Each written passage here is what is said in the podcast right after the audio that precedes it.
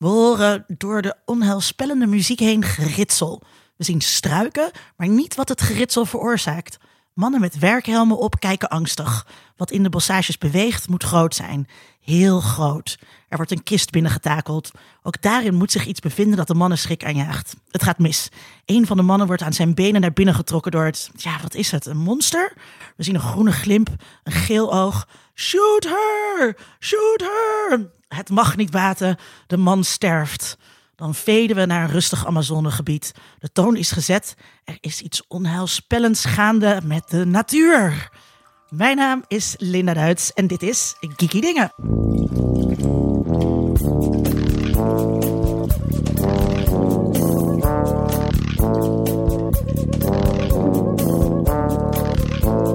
Mijn naam is Tom Aalmoes en mijn, als ik een dino was, dan zou ik een diplodocus zijn.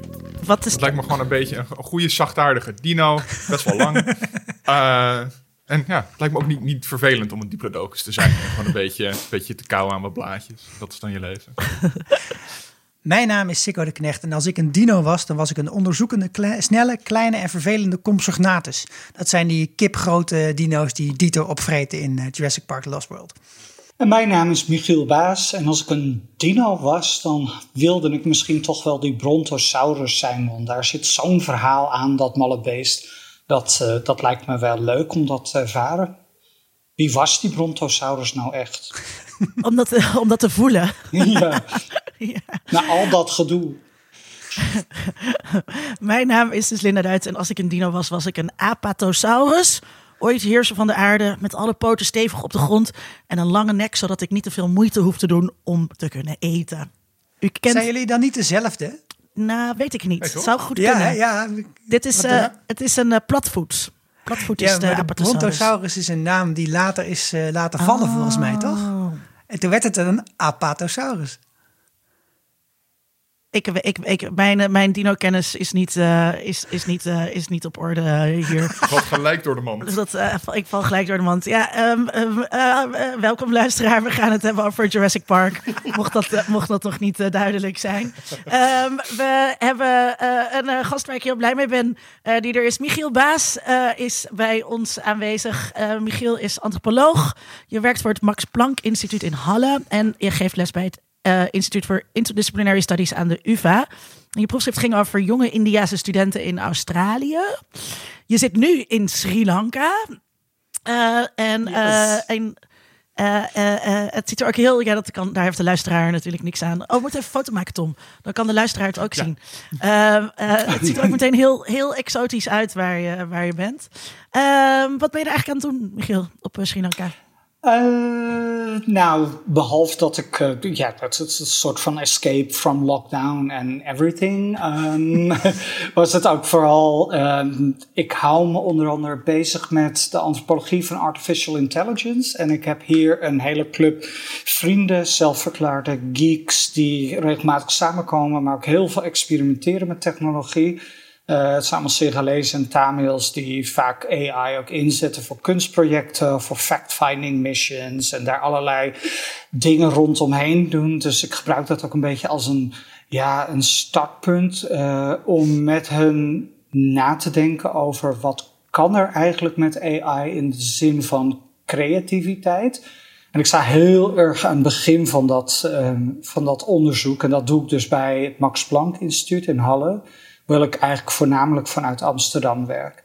Ehm, en veel van dit kon natuurlijk ook prima online. Maar op een gegeven moment als antropoloog wil je gewoon een keer ja, in de kamer zijn bij iemand als iemand daar zelf mee bezig is. Dus eh, ik richt me in, zeg maar regionaal eigenlijk altijd vooral op India. En een groot deel van dit onderzoek zal uiteindelijk ook weer in Bangalore eh, plaatsvinden. Dat een stad is, een grote stad in het zuiden van India. Um, maar nu heb ik er ook een soort van Sri Lankaans componentje in gestopt. En um, dat, dat is een van de redenen dat ik gewoon eigenlijk weer eens mijn vrienden hier wilde ook opzoeken. Omdat het voor mij ook een heel belangrijk kloonbord is. qua allerlei geeky dingen eigenlijk. Zij, zij organiseren dus ook ieder jaar zo'n hele grote uh, manifestatie waar iedereen dan verkleed komt. En mijn beste vriend is hier bijvoorbeeld getrouwd in een uh, typisch soort van geeky wedding aan het strand. Iedereen dus, uh, we, hij werd, de, de, de ceremonie werd gedaan door een andere vriend van me die, die uitgedost was als bloedige slager bijvoorbeeld. Weet je, dat soort dingen. Dat was allemaal bij de, bij de Colombo Swimming Club. En dat was echt tamelijk hilarisch. Hoe dan, dus dat is al sowieso leuk. En tegelijkertijd ben ik eigenlijk parallel daaraan al een tijdje bezig met een boek over de Nederlandse koloniale geschiedenis. En dat benadrukt met name door de bril van een antropoloog, wat ik zelf ben. En dat heeft ten dele ook te maken met mijn betrokkenheid bij uh, eigenlijk de acties rondom het beeld van J.P. Koen in de stad Horen. Ik ben al, al een lange tijd bezig eigenlijk met samen, werk ik samen met allerlei mensen om ja, de gemeente Horen ertoe te bewegen om nou eindelijk een keer dat beeld van dat plein af te halen. En um, uh, dat beeld staat er sinds 1893. Het is een typisch voorbeeld van de, um, een riem onder koloniale hartstoppen, of hoe zeg je dat? Een hart onder koloniale riem.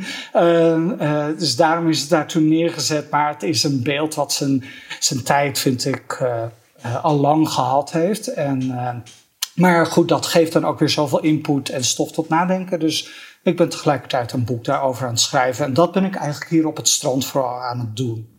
En je bent met ons, uh, uh, dus het is eigenlijk een beetje een soort kiki dingen Sri Lanka editie. En je bent met ons uh, dus aan het praten straks over Sri Lanka.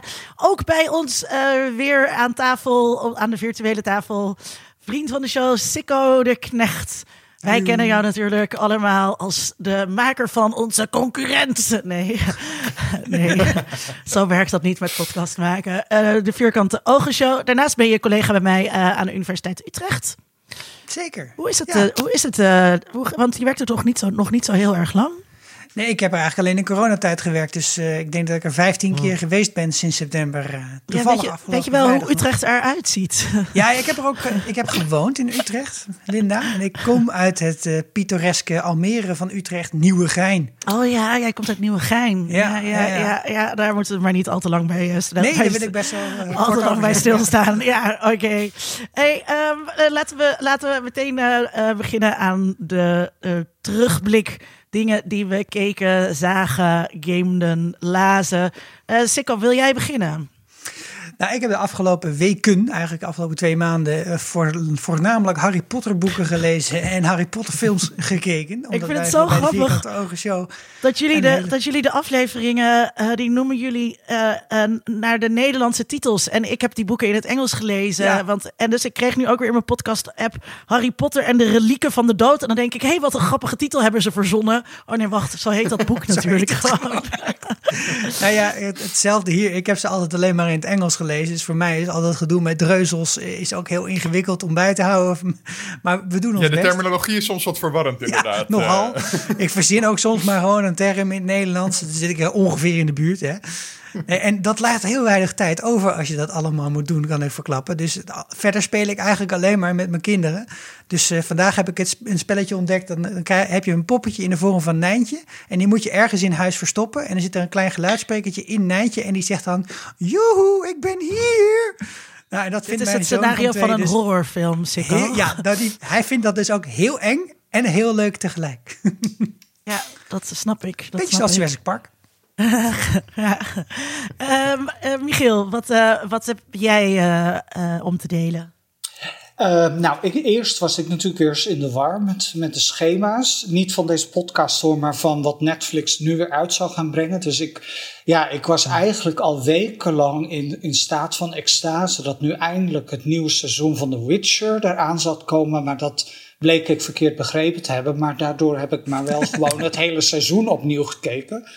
En dat was eigenlijk verrassend leuk. En, en ik had ook zelfs wel momenten dat ik dacht, heb ik dit überhaupt wel gezien? En dat heb ik wel vaker met dit soort series. Ik had dat heel sterk altijd met, de game, met Game of Thrones. Dat ik altijd na zo'n seizoen, dan, dan begon het volgende seizoen. En dan dacht ik, ja, ik moet, het is eigenlijk een soort van ganzenborden iedere keer. Ik moet helemaal terug naar af om dit allemaal te begrijpen. Ik heb, En- zoveel, ik heb daar zoveel dingen in herkeken. Ook omdat ik blode toen nog. eh, aan, het, aan het begin van die seizoenen. En dan zat ik in een aflevering dacht ik... Hè, wie zijn deze mensen? Zijn bleek dat ik soms iets Ja. al wel drie of vier keer had gezien. Maar dan gewoon even niet had op zitten letten. Was of die draak de vorige keer er ook? Nou, dat is dat ik altijd zeg, van de leukste dingen aan de Red, de Red Wedding vond ik dus dat er heel veel mensen in één keer dood gingen. Dus die hoefde ik ook niet meer te volgen. Weet je, dat scheelde gewoon zo ongelooflijk. Ehm, maar goed, met The Witcher, ehm, ja, dat was eigenlijk heel fijn om opnieuw te kijken. Ik, vond, het- ik blijf dat gewoon echt een hele leuke serie vinden. Ik vind ook, eh, wat, hoe heet die? Ehm, Harry, eh, Henry Cavill, die The Witcher speelt, ook gewoon een uitstekende keus daarvoor. Hij heeft dat gewoon helemaal. Eh, ik ken de boeken voor de rest niet, maar eh, nee, erg leuk. Een andere serie die ik laatst keek heb, en dat is alweer een tijdje geleden, maar ik weet dat het er, dat het er niet eerder over gegaan is. Een dikke ding is een Japanse serie, die heet ehm, Alice in Borderland. En eh, Alice in Borderlands is een beetje een kruising tussen Battle Royale en Sword Art Online. Dus het gaat over een groepje jongens die op de vlucht zijn in Tokio, een beetje in Shinjuku, ehm, voor de politie of niet, niet Shinjuku. Nou ja, het maakt eigenlijk helemaal niet uit waar het is. Het is ergens in Tokio. Ze duiken even een publiek toilet in en als ze eruit komen is letterlijk iedereen verdwenen. En is heel Tokio leeg. En sowieso is dat al de moeite van de serie, van het kijken waar. Voor, voor een ieder die een keer in Tokio geweest is, echt niet te geloven hoe ze dat geschoten hebben. Het is uh, ongelooflijk. Um, en tegelijkertijd ja, begint dan een spel. Dus iedere drie dagen moeten ze ja, een, een, aan een spel meedoen waar, waar bijna iedereen altijd doodgaat op de meest weerzinwekkende manier. Het is een typisch Japanse serie. Kijk op de dingen. Het heeft niet dat Puriteinse uh, Amerikaanse. Het heeft ook niet een hele duidelijke held. Um, het heeft veel verraad, veel cynisme. Ik ben daar gek op. Uh, je moet even over het acteren heen. Dat is ongeveer zo genuanceerd als de gemiddelde anime. Dus voor ieder, voor een, ieder die ooit een anime gezien heeft, alle emoties zijn eigenlijk altijd ongeveer net zo groot als Nederlandse acteurs uh, in, in Nederlandse speelfilms spelen. Dus het is altijd nogal theatraal. En, ja, en. Um, Um, maar goed, als je er eenmaal overheen ik vond het ook weer heel grappig, vooral ook omdat het gewoon zo bloedig is en zo Japans, zo Battle Royale. En er is natuurlijk al heel veel van dit soort series en, en films geweest die een beetje iets doen met Battle Royale. Um, de Hunger Games is daar natuurlijk ook gewoon van afgekeken. En eigenlijk is het allemaal een beetje hetzelfde. Maar het is zeker binge-worthy. En het laatste dat ik nog wilde zeggen was, um, uh, als het toch even kan. Uh, ik zie ondertussen ja, Linda met, een, uh, met een, een obstinate poes spelen die ook mee wil doen. Um, er is een aantal boeken die ik even heel kort wil aanstippen. Eén boek die ik gelezen heb is van Kazuo Ishiguro, Clara and the Sun. Um, een fantastisch nieuw Tom, boek. Tom uh, schrijft dat gewoon even vloeiend op, ook uh, de naam van ja, deze auteur. Um, het is net alsof ik bij het thema van Japan blijf, maar uh, Kazuo Ishiguro verhuisd op zijn zesde naar Engeland. En is eigenlijk nooit, ja, hij is al terug geweest, maar ik vind zijn schrijfstijl eigenlijk vooral heel Engels en helemaal niet zo Japans. Hij wordt vaak nog steeds omschreven door ja, een soort van idee voor, van de verfijning en van de precisie. Maar eigenlijk hebben moderne Japanse schrijvers zoals Banana Yoshimoto en vele anderen helemaal juist niet die verfijning in een schrijfstijl. Het is altijd vanuit de ik-persoon en het is eigenlijk altijd heel ja, vreemd biografisch en wat rommelig. En dat heeft Kazuo eigenlijk helemaal niet in zijn schrijfstijl. Het is eerder alsof je een kinderboek uit de jaren 50 leest en um, is heel precies, heel formeel, heel netjes. Maar ondertussen wordt er altijd een heel gruwelijk verhaal verteld. En, en daar is hij echt meester. En daar heeft hij natuurlijk ook de Nobelprijs voor gewonnen. En Sommige uh, van de luisteraars zullen misschien zijn vorige boek gelezen hebben. Of, um, en ik moet even de titel opzoeken, want ik vergeet heel snel titels altijd. Uh, wat ook verfilmd is natuurlijk. Um, en dat is um, Never Let Me Go. Dat kwam uit in 2005 en uh, dat is ook verfilmd. ik vond de film niet zo geweldig, omdat de clue van het verhaal eigenlijk heel snel verraden wordt. Het blijft veel langer, ja, achter in het, in het boek. Maar Claire and the Sun heeft een beetje diezelfde opbouw. Je weet in het begin niet helemaal wat er speelt. Het gaat over een AI-vriend, een artificial friend, die ja, bij een meisje in huis geplaatst wordt waar iets mee aan de hand is. En daar gaat eigenlijk dat hele boek over. En gaandeweg krijg je echt steeds meer een bepaald beeld van wat dat zou kunnen zijn. Ik praat al veel te lang, dus ik ga de rest overslaan. Thanks, uh, thanks Michiel. Uh, Tom, wat heb jij uh, gedaan? Behalve jarig zijn, nog gefeliciteerd. Woep, woep, woep, woep, woep. Gefeliciteerd. Ja, ik heb een hele geeky cadeau gekregen. De, de baby Yoda ja, van Lego. Wat een leuke vrienden heb leuk. jij. Zulke goede vrienden. ik heb dit cadeau onder andere van Linda gekregen. Um, en, en daar ben ik heel, heel erg mee in de weer geweest. Ik heb hem echt dezelfde avond helemaal in elkaar gezet. En die staat nu heel prominent in mijn boekenkast. uh, je kan ook zo de oortjes bewegen. En dan kan hij zo heel sip met die oortjes naar beneden kijken. En dan, dan, dan breekt je hart een beetje. Elke keer als je naar hem kijkt. Heb jij hem ook, Uh, Sikko? Nee, nee, ik, ik wees op mijn Space Shuttle die ik net heb gekocht. Ah, Ja, ik zie hem op staan. eh. Oké, poes, nu is het genoeg. Oké. Eh, ik eh, heb net als eh, denk ik heel veel andere mensen afgelopen weekend de finale van Falcon and the Winter Soldier gekeken. En eh, ehm, ik vond de hele serie wel oké, wel leuk. Gewoon een Marvel vermaak, net te veel actie, net te weinig verhaal. Ehm, en in de laatste aflevering is het ineens van... Oké, we gaan even het moraal van het verhaal uitleggen. En dan heb je echt een soort scène waarin de Falcon dan zit van... Ja, het is niet makkelijk om een zwarte man in Amerika te zijn... maar we moeten aspirational zijn. En daarom, Amerika is nog steeds wel goed... maar we moeten er een beetje aan klussen met z'n allen. En eh, ja, eh, ja... Gewoon een beetje dat typische soort van milktoast verhaal van... Ja, Amerika heeft wat foutjes gemaakt... maar we kunnen beter zijn met z'n allen. En dat vond ik zo... Dat kunnen zo ze al eeuwen. weer. En het was zo letterlijk. En het, het, het werd- werd echt even in een monoloog aan je uitgelegd. En ehm, met van die opzwepende muziek eronder... dat je er allemaal gevoelens bij moet hebben. En ik zat alleen maar van... jongens, wat doen we nou weer? Hey, Flauw dit. hey, en Tom, ehm, Uh, we hebben natuurlijk een aflevering over WandaVision gemaakt zonder mij. eh, omdat Mhm. Ja. ik geen, eh, geen, eh, eh, geen MCU-meisje ben. Ik- Is dit te Nee. kijken zonder eh corpuskennis? Eh, nee, eh, je moet weten dat eh, ehm, Captain America, eh, Steve Rogers, eh, eh, in de vorige film dood is gegaan. Of in ieder geval, hij heeft zijn, zijn leven geleid en hij is klaar eh, met pensioen. En het schild geeft hij dan aan eh, ehm, de Falcon, dat is een zwarte superheld. Eh, zo van, alsjeblieft, jij bent hem. Ehm, eh, en die Falcon die geeft het dan aan een museum. Van, ja, maar een zwarte man kan geen Captain America zijn. Eh, en eh, Bucky, een andere vriend van Captain America, zit van... Oh nee, maar Steve vertrouwde jou hier juist mee. En dus jij moet eh, eh, eh, dit juist gaan doen. En dat is een beetje het conflict in de serie van... Moet de Falcon Captain America gaan worden, ja of nee? Oké, dat vind ik wel... zijn er andere dingen met terroristische organisaties en blablabla. bla Eh, maar dat is zeg maar het main ding. Kan een zwarte man Captain America zijn? Wat ik wel een interessante thesis vind. Ja, ik ook. Maar het is dus jammer dat ze dus die, die, die zo lui eh, eh, en voorspelbaar en, en, en, en weinig. eh, eh, eh, Een probleem wordt niet verder door, doordacht dan hij wordt opgeworpen en ze twijfelen er een beetje open. En dan, oh, gosh jolly, we gaan het toch maar doen, want aspirational. Ik begin Maar te eigenlijk, eh, vermoeden het- dat WandaVision een hele atypische MCU-serie was. Ja, ja een stuk beter. Nou, je ziet natuurlijk ook wel aan de, aan het, aan het, de kostprijs van zo'n serie dat het gewoon ook een heel erge middenmoot moet, moet vinden. Waar iedereen dit begrijpt, al deze raciale kwesties. Dus het, ja, het, we hopen dan altijd dat het iets dieper gaat, maar dat, dat zal het nooit doen, zeg maar, op dit niveau met dit, Nee. dit soort bedragen. Dan, moet je, dan heb je het over een heel ander soort medium, denk ik, een heel ander soort programma. Jammer genoeg hier in Sri Lanka eh, is Disney Plus niet doorgedrongen. Dus ik zat er gisteren helemaal klaar voor. Ik had eh, die The Witcher er doorheen geramd, zeg maar. Want ik dacht, hè, die laatste episode. En toen bleek dus dat, er, dat, dat Disney Plus hier nog niet kan. Dus dat ging dus niet door. Ja, Helaas. kijk, ik hoop dat ik nu niks ja. voor je gespoild heb, sorry. Nou, nee hoor. ik het is overal al zo uitgemolken. Ik vind spoilers ook nooit zo heel erg eigenlijk. Dat denk ik van, nou, en het is ook nooit zo'n hele grote verrassing.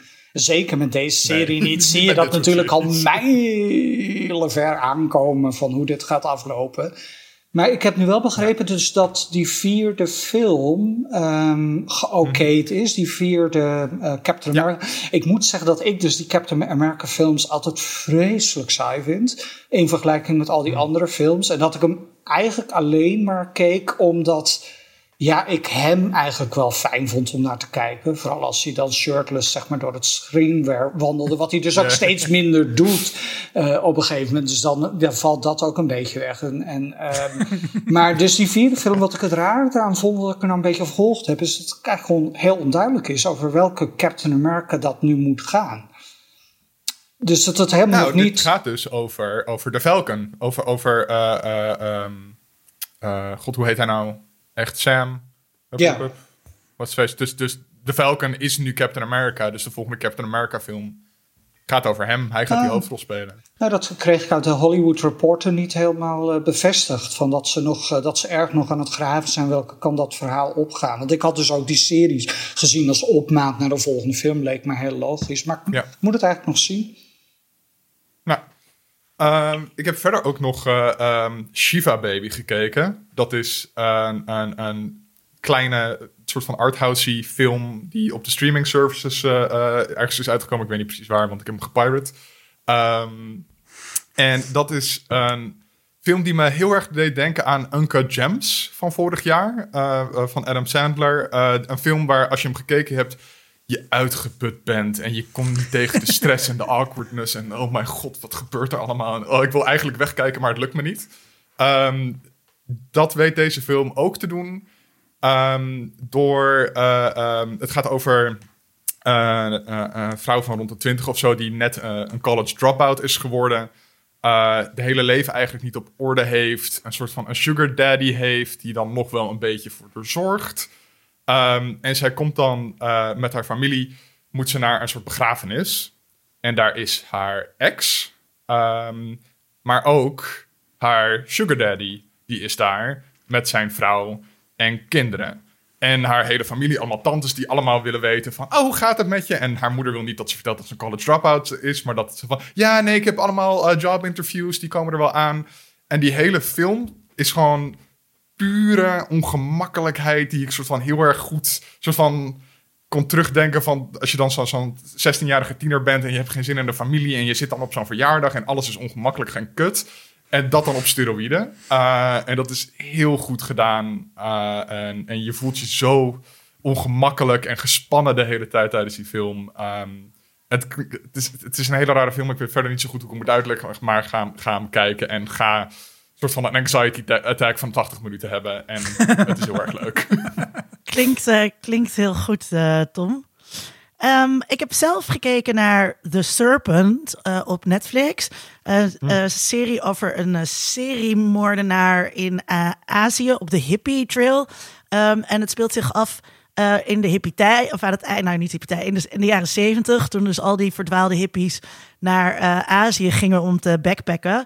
Um, ik heb zelf veel gebackpackt en ja, op reis vertrouw je gewoon mensen. Dat, dat is gewoon zo. Dus je ontmoet iemand in een bus en daar ga je dan een kamer mee delen en al je spullen en, en, en dat soort dingen. Dat hoort gewoon bij reizen. En hier loopt dat dus verkeerd af. Het is gebaseerd, het is gebaseerd op, uh, op, uh, op waar gebeurde gebeurtenissen. Dus die, uh, die seriemoordenaar die was er echt.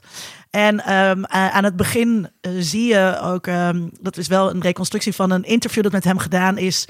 waarin hij dus ontkent dat hij dit allemaal gedaan heeft. Dus je weet ook meteen dat hij dus eigenlijk nooit gepakt is. Um, wat, wat een soort extra dimensie uh, eraan geeft. Um, het speelt zich dus af in uh, uh, voornamelijk Thailand, maar ook Nepal, um, Hongkong ook nog. en er is een, Nederlandse medewerker van de, van de ambassade, die een heel belangrijke rol heeft. Die spreekt dus Nederlands in de film. Maar het wordt, uh, hij wordt uh, gespeeld door iemand die Engels is. Dus die oh, zegt ja. dan soms, godverdomme. en dat lukt, dat lukt dus niet helemaal. Dus daar moet je even uh, doorheen. um, het begint ook sterker dan dat het eindigt. Maar het is zo vet gedaan dat je de hele tijd echt denkt... dit is gewoon Bangkok in de jaren zeventig. En ik weet niet hoe ze dat voor elkaar gekregen hebben... Ehm, maar maar die, het setdesign, uh, de, de, kleuren, um, de, de volle straten, dat soort dingen. Ja, dat, is, dat, dat heeft, maakt eigenlijk de serie echt de moeite waard om naar te kijken. Op Netflix. En ik had heel erg uh, toen ik dat keek, dat ik uh, blij was dat ik nooit vermoord ben. uh, onder, onderweg. Ja, ja. ja daar ben ik ook nog iedere dag heel blij mee. Ja, dat, dat jij niet vermoord bent, maar ik ook niet vermoord ben. Precies, dat we allemaal niet vermoord zijn. Ja, Je, moet altijd, je moet altijd je zegeningen tellen. um, en daarnaast heb ik um, echt ja, super heerlijke brakfilm gekeken. Six Minutes to Midnight. Ja, heb ik ook gekeken. ja, um, het is het is een spionnenfilm met een beetje knullige spionnen dingen. Het speelt zich af in Engeland in uh, eh, 1939. Er is iets met Duitse meisjes en, en uh, die zijn dan in Engeland en, en een complot. En um, het is vooral heel leuk omdat het met Eddie Izzard is en uh, Dame Judy Dench. En Eddie Izzard is gewoon heel, dat is zo'n feest om naar te kijken. Dus, en hij is echt de hele film is hij een beetje aan het wegrennen op een Eddie Izzard-achtige manier. Ja. Wat vond jij ervan, Sikko? Ja, ik, het, is maar, het is niet een film waarvan ik dan denk, oh jammer dat ik die niet in de bios heb gezien, maar het is nee. prima voor een avondje. En Precies. ik, ik, ben ook al, al jaren fan van Eddie Izzard en om dan in deze rol te zien is eigenlijk een beetje raar. Maar uh, ik vond het plot eigenlijk best wel aardig en ik vond ook de uitwerking best leuk. Dus nou, prima filmpje. Ja, het is, je moet er niet te veel van verwachten, maar we hebben toch allemaal niks te doen.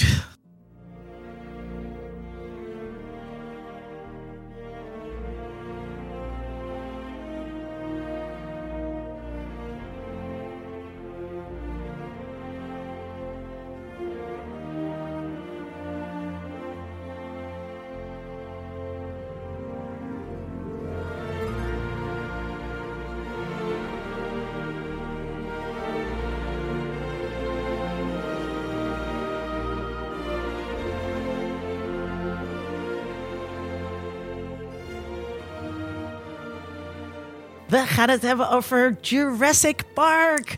Uh, jezus, ik ben zo blij. Hij heeft echt praktisch gesmeekt of hij in deze aflevering uh, mocht. um, we gaan het hebben uh, over Jurassic Park uit 1993, maar ook de twee delen die daarna daarop volgden. En we gaan het hebben over Jurassic World 2015 en ook nog het deel dat daarna kwam. We doen gewoon alles en we doen gewoon alles door elkaar. Gewoon gekkigheid. Ja.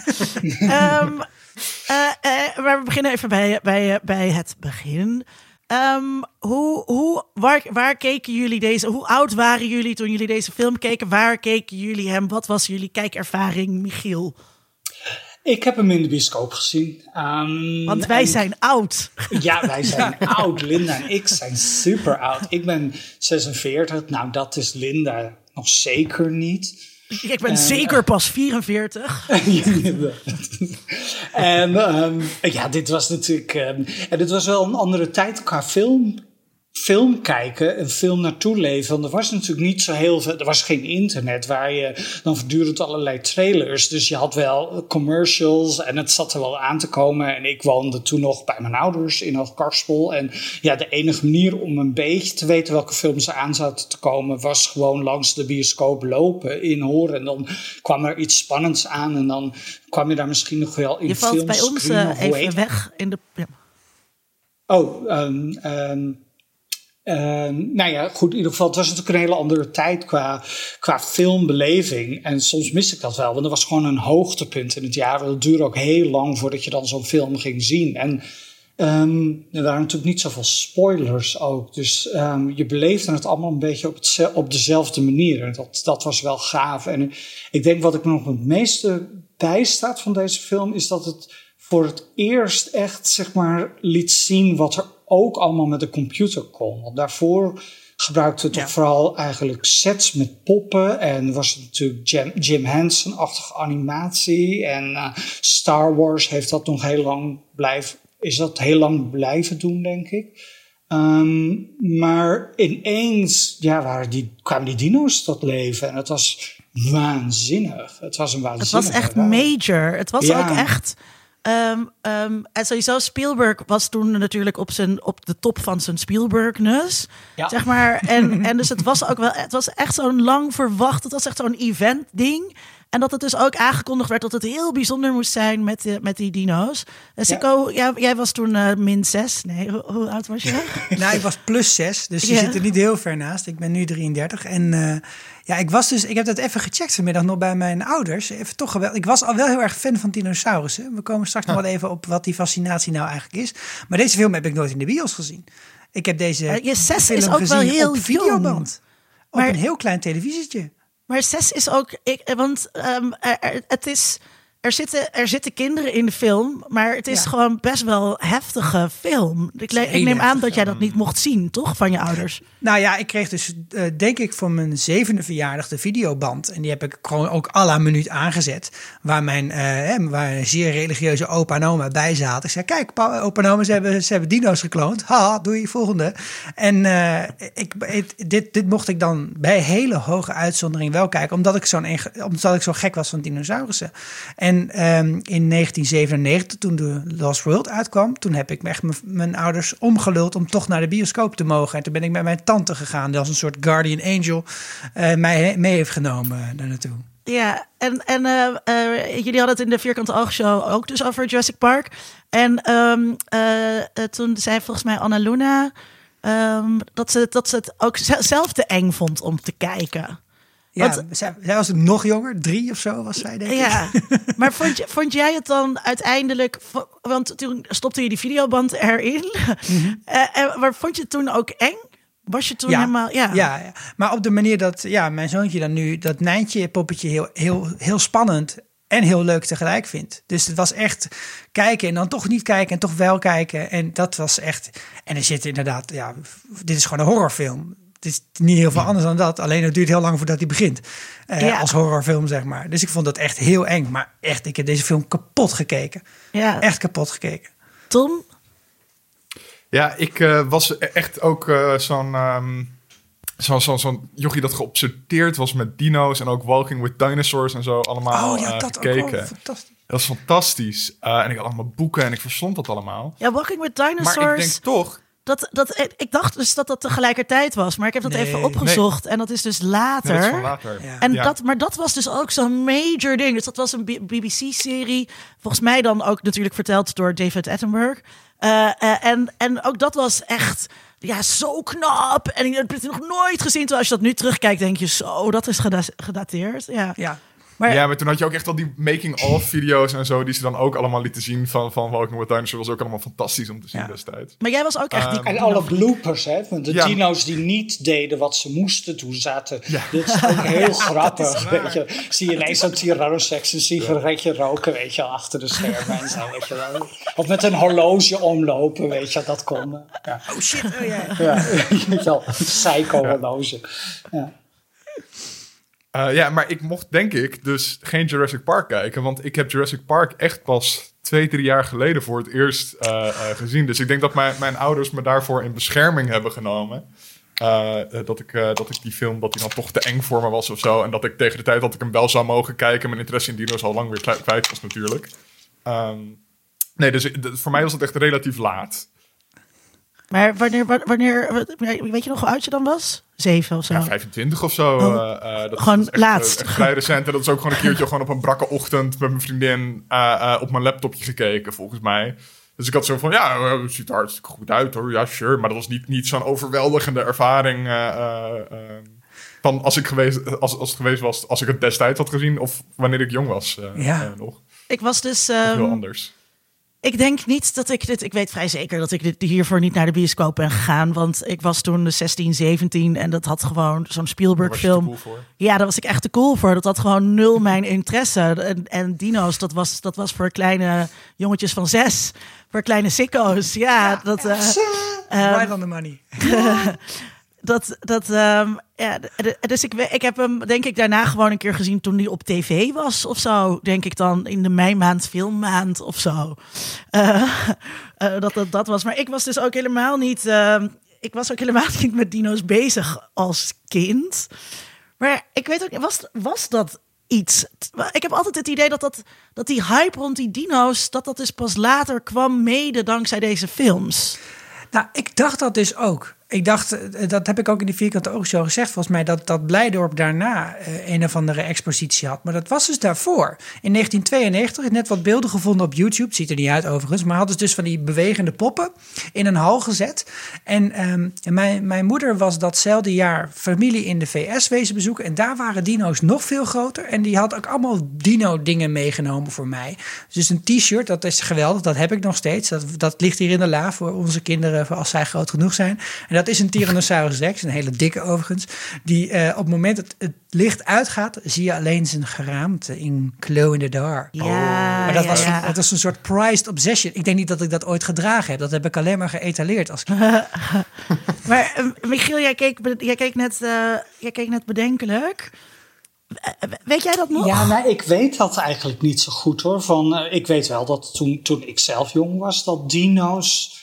Ik heb, niet het, ik heb helemaal geen herinnering dat wij met dino's speelden toen we acht of tien waren. Ik weet, ik heb wel een vage herinnering dat misschien rond die tijd de Transformers opkwamen. Want die tekenfilmserie was er en dat speelgoed was er. En dat ging dat had ik, daar absoluut... speelde ik mee. Ja. Oh ja, nou dan had jij wel leuke ouders. Want die van mij zouden dat, uh, die, die, die, die vonden dat duur. En die had ook het idee dat ik daar dan nooit mee zou gaan spelen. Uh, dat klopt dan misschien ook wel. Maar ik was wel absoluut verliefd op het hele idee van die, die, de dingen. Maar ik, die Transformers, die kon je later volgens mij ook nog wel weer in dino's veranderen. Of daar was iets mee, maar dat Ja. was toen nog niet Ja, ja, al. Er waren Dino Transformers. Ja, Ja, maar dat kwam dat ook allemaal ook later. aan mij dus ontgaan. ik denk dat ik gewoon. eh, ehm, nee, ik kan me dus eigenlijk niet herinneren dat we ooit iets met die dino's hadden. De Flintstones waren er en die hadden natuurlijk dino's. Oh ja. Ja. Ja. ja. als huisdier. Ja, als Ik, eh, huisdier en een stempelautomaat en zo. Ik werd eigenlijk Ja. overal Ja. voor Ja, ingezet. maar er waren in die periode wel. eh, er waren wel, wel tekenfilmseries. Ook, een- dat zal een beetje na Jurassic Park zijn geweest ook. Maar dus de Dino Babies. Maar je hebt ook die, die mensen in die pakken. Hm. Hadden ze op een gegeven moment. De, de hele bolle dilo's waren dat op een of andere vreemde. Oh, oh, dat was zo- zo'n sitcom. Ja, Ah, dat was een God, sitcom heette met dat ook dino's. alweer? Zo'n zo'n dino, dat was zo raar maar dat, is toch not, not the mommy, not the mommy. Dat bedoel ja, je die, ja, met die baby. Ja, dat was, Ja, dat was ja, zo ja, ja. leuk. Dat was zo'n leuke serie. En toen, dat was wel inderdaad toen ik... eh, eh, dat vond ik dus wel heel grappig als puber. Wat, ik, wat, ik, wat mijn vermoeden is, is dat zeg maar, dat merk je ook in het script en in het verhaal en ook in het boek van Jurassic Park, dat dat een beetje de periode was, de late 80s, begin 90s, dat de dino-rage gewoon begon. En dat had volgens mij ook veel te maken met ontdekkingen uit die tijd. Dat er ineens allemaal, allemaal nieuwe dino's uit de grond kwamen en dat ze met nieuwe technieken daaraan konden gaan werken. En dat er een soort van belofte was van, wat gaat de wetenschap ons allemaal wel niet brengen? Ja. Überhaupt uit die tijd, als je, als je daar van die ja, een beetje populaire literatuur uit die tijd leest, dan ja, de, de wetenschap die ging echt, echt alles oplossen. En die was, eh, alles was ook leuk. Alles wat met wetenschap te maken had, was helemaal FIFA fantastisch. Dus Ja. volgens Ja, mij die, was die dat nieuwe technieken een- zie je natuurlijk ook, ook heel goed in, in, in eh, eh, het begin van eh, Jurassic Park. Dat ze dan met zo'n computer bezig zijn. En dat hij dan, de oude archeoloog, zit dan gewoon... eh, eh, eh, Wat vet stond al die computers, hoe werkt het nou? Ja, Maar dus Ja, ook... dat, was, ehm, dat was het- heel erg optimisme uit die tijd. En volgens mij is dat Ja. gewoon. Is er iemand geweest die op het slimme idee is gekomen van kinderen en dino's? Ping dong. En dat die heeft gewoon gewonnen. dat, Ja, we kunnen gewoon geld gaan printen nu. Ja. Dat is, ja, we kunnen gewoon geld gaan printen. Het was, ehm, het, het was dus nog eh, voordat ehm, schaap Dolly eh, eh, gekloond werd. Maar dat was wel ook rond die tijd, zeg maar. Dus het zat wel in de, in de public imagination. dat, dat, dat dat ging gebeuren. En inderdaad, zo'n sciency was alles. eh, was, Ja. was, was alles ook. Ik moet dus in één keer bedenk ik, bedenk ik me. Dit is heel random, maar wel mijn, mijn dino-claim. Ik ben in Bolivia geweest in een ehm, eh, eh, zandmijn, was het volgens mij. En daar hadden ze op eh, zo'n muur sporen gevonden. En dus er was ooit eens een mannetje daar gewoon met zijn graafmachine was dat aan het afgraven. En die dacht, hè, dit ziet er heel raar uit. En toen hebben ze dus iemand erbij gehaald. En dat bleken dus gewoon voetsporen van dinosaurussen te zijn. En die door de tektonische plaat, eh platen shit, dat schuiven, zijn die dus op de muur komen te staan. En dat was fucking vet. Ik kan wel even kijken of er nog een foto is die Tom dan op onze Instagram kan zetten. Het is echt mega cool, want dan zie je dus gewoon sporen van dinosaurussen op een muur. En, en bij die mijn was het dus ook zo. Het was in Bolivia, dus daar was nul monies. En eh, wij gingen gewoon, dit was in 2002 dat ik daar was, dus dat is ook alweer duizend jaar geleden. En ehm, eh, wij gingen gewoon eh, dan eh, in het stadje kon je dus je op laten halen door een vrachtwagen, want die mijn was nog steeds in gebruik. Eh, en eh, dan zeiden ze dus ook, ja, hebben jullie een miljoen dollar? Want dan kunnen we dit behouden. En, eh, en hier een soort Oh ja. museum omheen maken. Want anders moeten wij op een gegeven moment toch ook deze muur gaan, gaan, eh, gaan eh, af, eh, afbreken. Ik zal eens googelen of daar nog iets, eh, nog iets van is. Sorry, dit is heel random. Ehm, Dit, dit, was, dit was ook wel Een goed niet, verhaal. niet precies Bolivia, maar als wij op vakantie waren, eh, toen ik klaar was, gewoon naar Frankrijk in de Gorge du Verdon of zo, was dit ook oh, wel de iets Gorge wat- du Verdon. Ja, daar zijn we Ja, allemaal dat- wel ja. geweest, toch? Met een baguette en een bak croissant. Maar dat- dat- De wat, wat, wat mijn vader en ik bijvoorbeeld gingen doen, dat was dat we dan naar een muur gingen die dan bijvoorbeeld van die leemlagen heeft. Dus van dat hele donkere gesteente wat in plakjes uitbreekt. En dan gingen we dan gewoon een hele middag in de brandende zon met een, met een haring en een, en een hamertje. gingen we proberen dat eruit te bikken en te kijken of er iets in zat. En dat zaten dan echt wel vaak toch trilobieten of troglodyten en zo. Allemaal zaten, ammonieten zaten erin. En dat, ja, dat was fascinerend. Ja, het is wel heel nerdy dit. Ook als je naar dit soort dingen luistert, dat je dan onmiddellijk denkt van, jeetje, ehm, bij ons thuis deden we nooit zoiets. Wij gingen naar Centerparks en leem in een soort van, van gesteente zitten bikken en daar iets naar zitten kijken. Wij gingen gewoon naar het tropisch zwemparadijs. en daar stond misschien dan een dino ergens op de muur geschilderd. En, eh, en dat kwam misschien wel heel dichtbij bij dat, bij dat pretpark zelf. En sloten dat ook af Ja, met een trip naar de Efteling, weet je, zo cultureel bleef het ongeveer wel. Eh, laten, laten we inderdaad even teruggaan naar, naar, eh, naar Jurassic Park. Ehm, ehm, is Center het, Park. is het voor Park. jullie belangrijk? Is het voor jullie belangrijk dat die dino's kloppen? Dat dat, dat, dat hoe, ja, hoe echt moeten ze zijn? Ja, maar ze kloppen natuurlijk helemaal niet in de film. Eh, en dat, dat maakt mij bijzonder weinig uit. Ik bedoel, eh, die raptors die zijn volgens mij twee keer groter dan dat ze in real life zijn. En ze hebben helemaal geen veren. Dus er klopt helemaal niks van. Ehm, en ook dat ze super intelligent zouden zijn. En wacht, op een gegeven moment kunnen ze ook praten of zo. Eh, dat je, ik zit van... Waar hebben we het over? Oké, oké, oké. Maar we moeten eventjes wat lijnen gaan trekken nu dan. hè? Oké. Dat, dat, dat wilde ik wel eventjes eh, toch eh, gezegd hebben. Ik vind, we moeten beschouwen als Jurassic Park en The Lost World Jurassic Park. Dat, zijn, hè, dat is een entiteit. Dan is er Jurassic Park 3, maar dat moeten we eigenlijk gewoon negeren dat het bestaat. Dat was gewoon scènes die over waren uit de andere twee boeken. Bij elkaar gegooid in een film die zelf ook niet echt heel erg ergens op sloeg. En dan heb je de Jurassic World. En dat is gewoon hè, de popcorn member variant van Jurassic Park, maar dan uit 2015. En daar zitten ook wel grote verschillen tussen, Linda, in termen van hoe realistisch de, de, de dino's zijn. Want volgens mij hebben ze echt, eh, zeker Michael Crichton in zijn boek, een poging gedaan om zo goed mogelijk de huidige stand van de wetenschap te vertalen naar wat zouden die dino's dan doen. En eh, je ziet ook heel erg die fascinatie van de paleontologen, de paleobotanisten, eh, de mensen die, eh, die onderzoek doen naar, naar wild animals. Hè, de Sarah Harding, die ook van, oh kijk, het is dus T-Rex mannetjes en vrouwtjes blijven wel bij elkaar. Ze zorgen voor een jongen, dat is heel anders dan we dachten. Dus het is juist heel expliciet een poging in grote lijnen om het zo realistisch mogelijk te maken. Maar ja, die inzichten zijn gewoon heel erg veranderd. En ja, Tom, je hebt gelijk. Bij een paar dino's is ook besloten van Velociraptor is gewoon een vette naam. Het is eigenlijk de Utah Raptor, maar laat maar even zitten. We doen gewoon flip-flop en dat, dat is eventjes wat we ons permitteren. Maar dat is toch wel echt iets heel anders dan een Triceratops ook stego- Stegosaurus eh, dingen op zijn rug geven. Dat, dat, dat, Ja, dat- ja. this is where I draw the line. Nou, jeetje, wat ben jij invested in dit? eh, dit eh, je hebt hier duidelijk heel flink over nagedacht. En nou, waarschijnlijk al wel een aantal keer een robbertje over gevochten. Moet ik zeggen trouwens, je Ja. zei net iets waar ik dus helemaal niet mee eens ben. Ik vind echt film 2 het allerslechtste. Ik vind film 3 eigenlijk in vergelijking best heel leuk. Maar film 2, oh, wat een pijnbank zeg. Ik eh, ben Saai, met team, ik ben team Michiel eh, hier, ja. Ja, Dus even knuppel, even die knuppel in de hondenhoek, eh, het hoenderhok, hè, gloves af. De- de- laat, het, laat de Mhm, kom maar games door, nu kom maar. beginnen. Kom maar, ik, ik ben er klaar voor. Overtuig mij maar eens. Maar ik, ik vond dus, ik, wat ik dus zo kut vind, is dan, oké, er blijkt een eiland B te zijn waar ze eh, de dino's fokken. Terwijl in, in deel 1 maken ze er helemaal een punt van dat al die dino's vrouwtjes zijn. En dat bleek dan dus gewoon niet te kloppen. En ik kan daar dus ook niet tegen, tegen zulke soort herschrijvingen. Dat is gewoon, dat, dat moet je gewoon niet doen.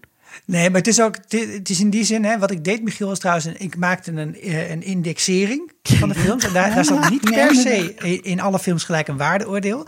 Uh, maar het, het, klopt inderdaad niet, Linda. Want uh, het hele punt was volgens mij dat ze dus, dat, dat je hebt Isla Sorna en Isla Nublar. En op Isla Sorna, waar eigenlijk 2 en 3 zich afspelen, dat is dan de Fok facility. Maar het is, dat is eigenlijk raar, want waarom hebben ze op die andere uh, facility dan ook al die embryo's en ook al die dingen op uh, in cryogene apparaten gezet. Dat slaat dan helemaal nergens op. En ja, er is wel een heel fundamenteel verschil tussen die twee eilanden en ook dus tussen film 1 en 2 en 3.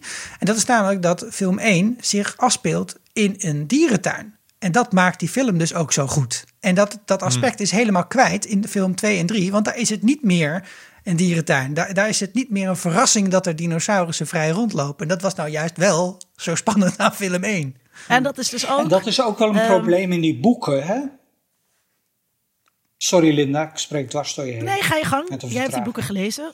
Nee, nou, als je bijvoorbeeld, ze zijn natuurlijk, uh, Michael Crichton was helemaal niet van plan hè, in eerste instantie om een vervolg te schrijven. Daar is hij een beetje van overtuigd. En toen moest er natuurlijk iets ja, uit de kast getrokken worden om dat leuk te maken. Want hij schreef, en hij heeft eigenlijk ook nooit vervolgen geschreven. Hij schreef altijd eh, één verhaal. Het is helemaal geen vervolgschrijver geweest. En The Lost World, daar voel je dat ook een beetje. Want hij is natuurlijk wel iemand die heel goed was in technologie en nadenken over wat er misschien mogelijk zou kunnen zijn. En dat komt in die film natuurlijk eigenlijk veel minder goed naar voren, want dat werkt gewoon niet zo goed in een film.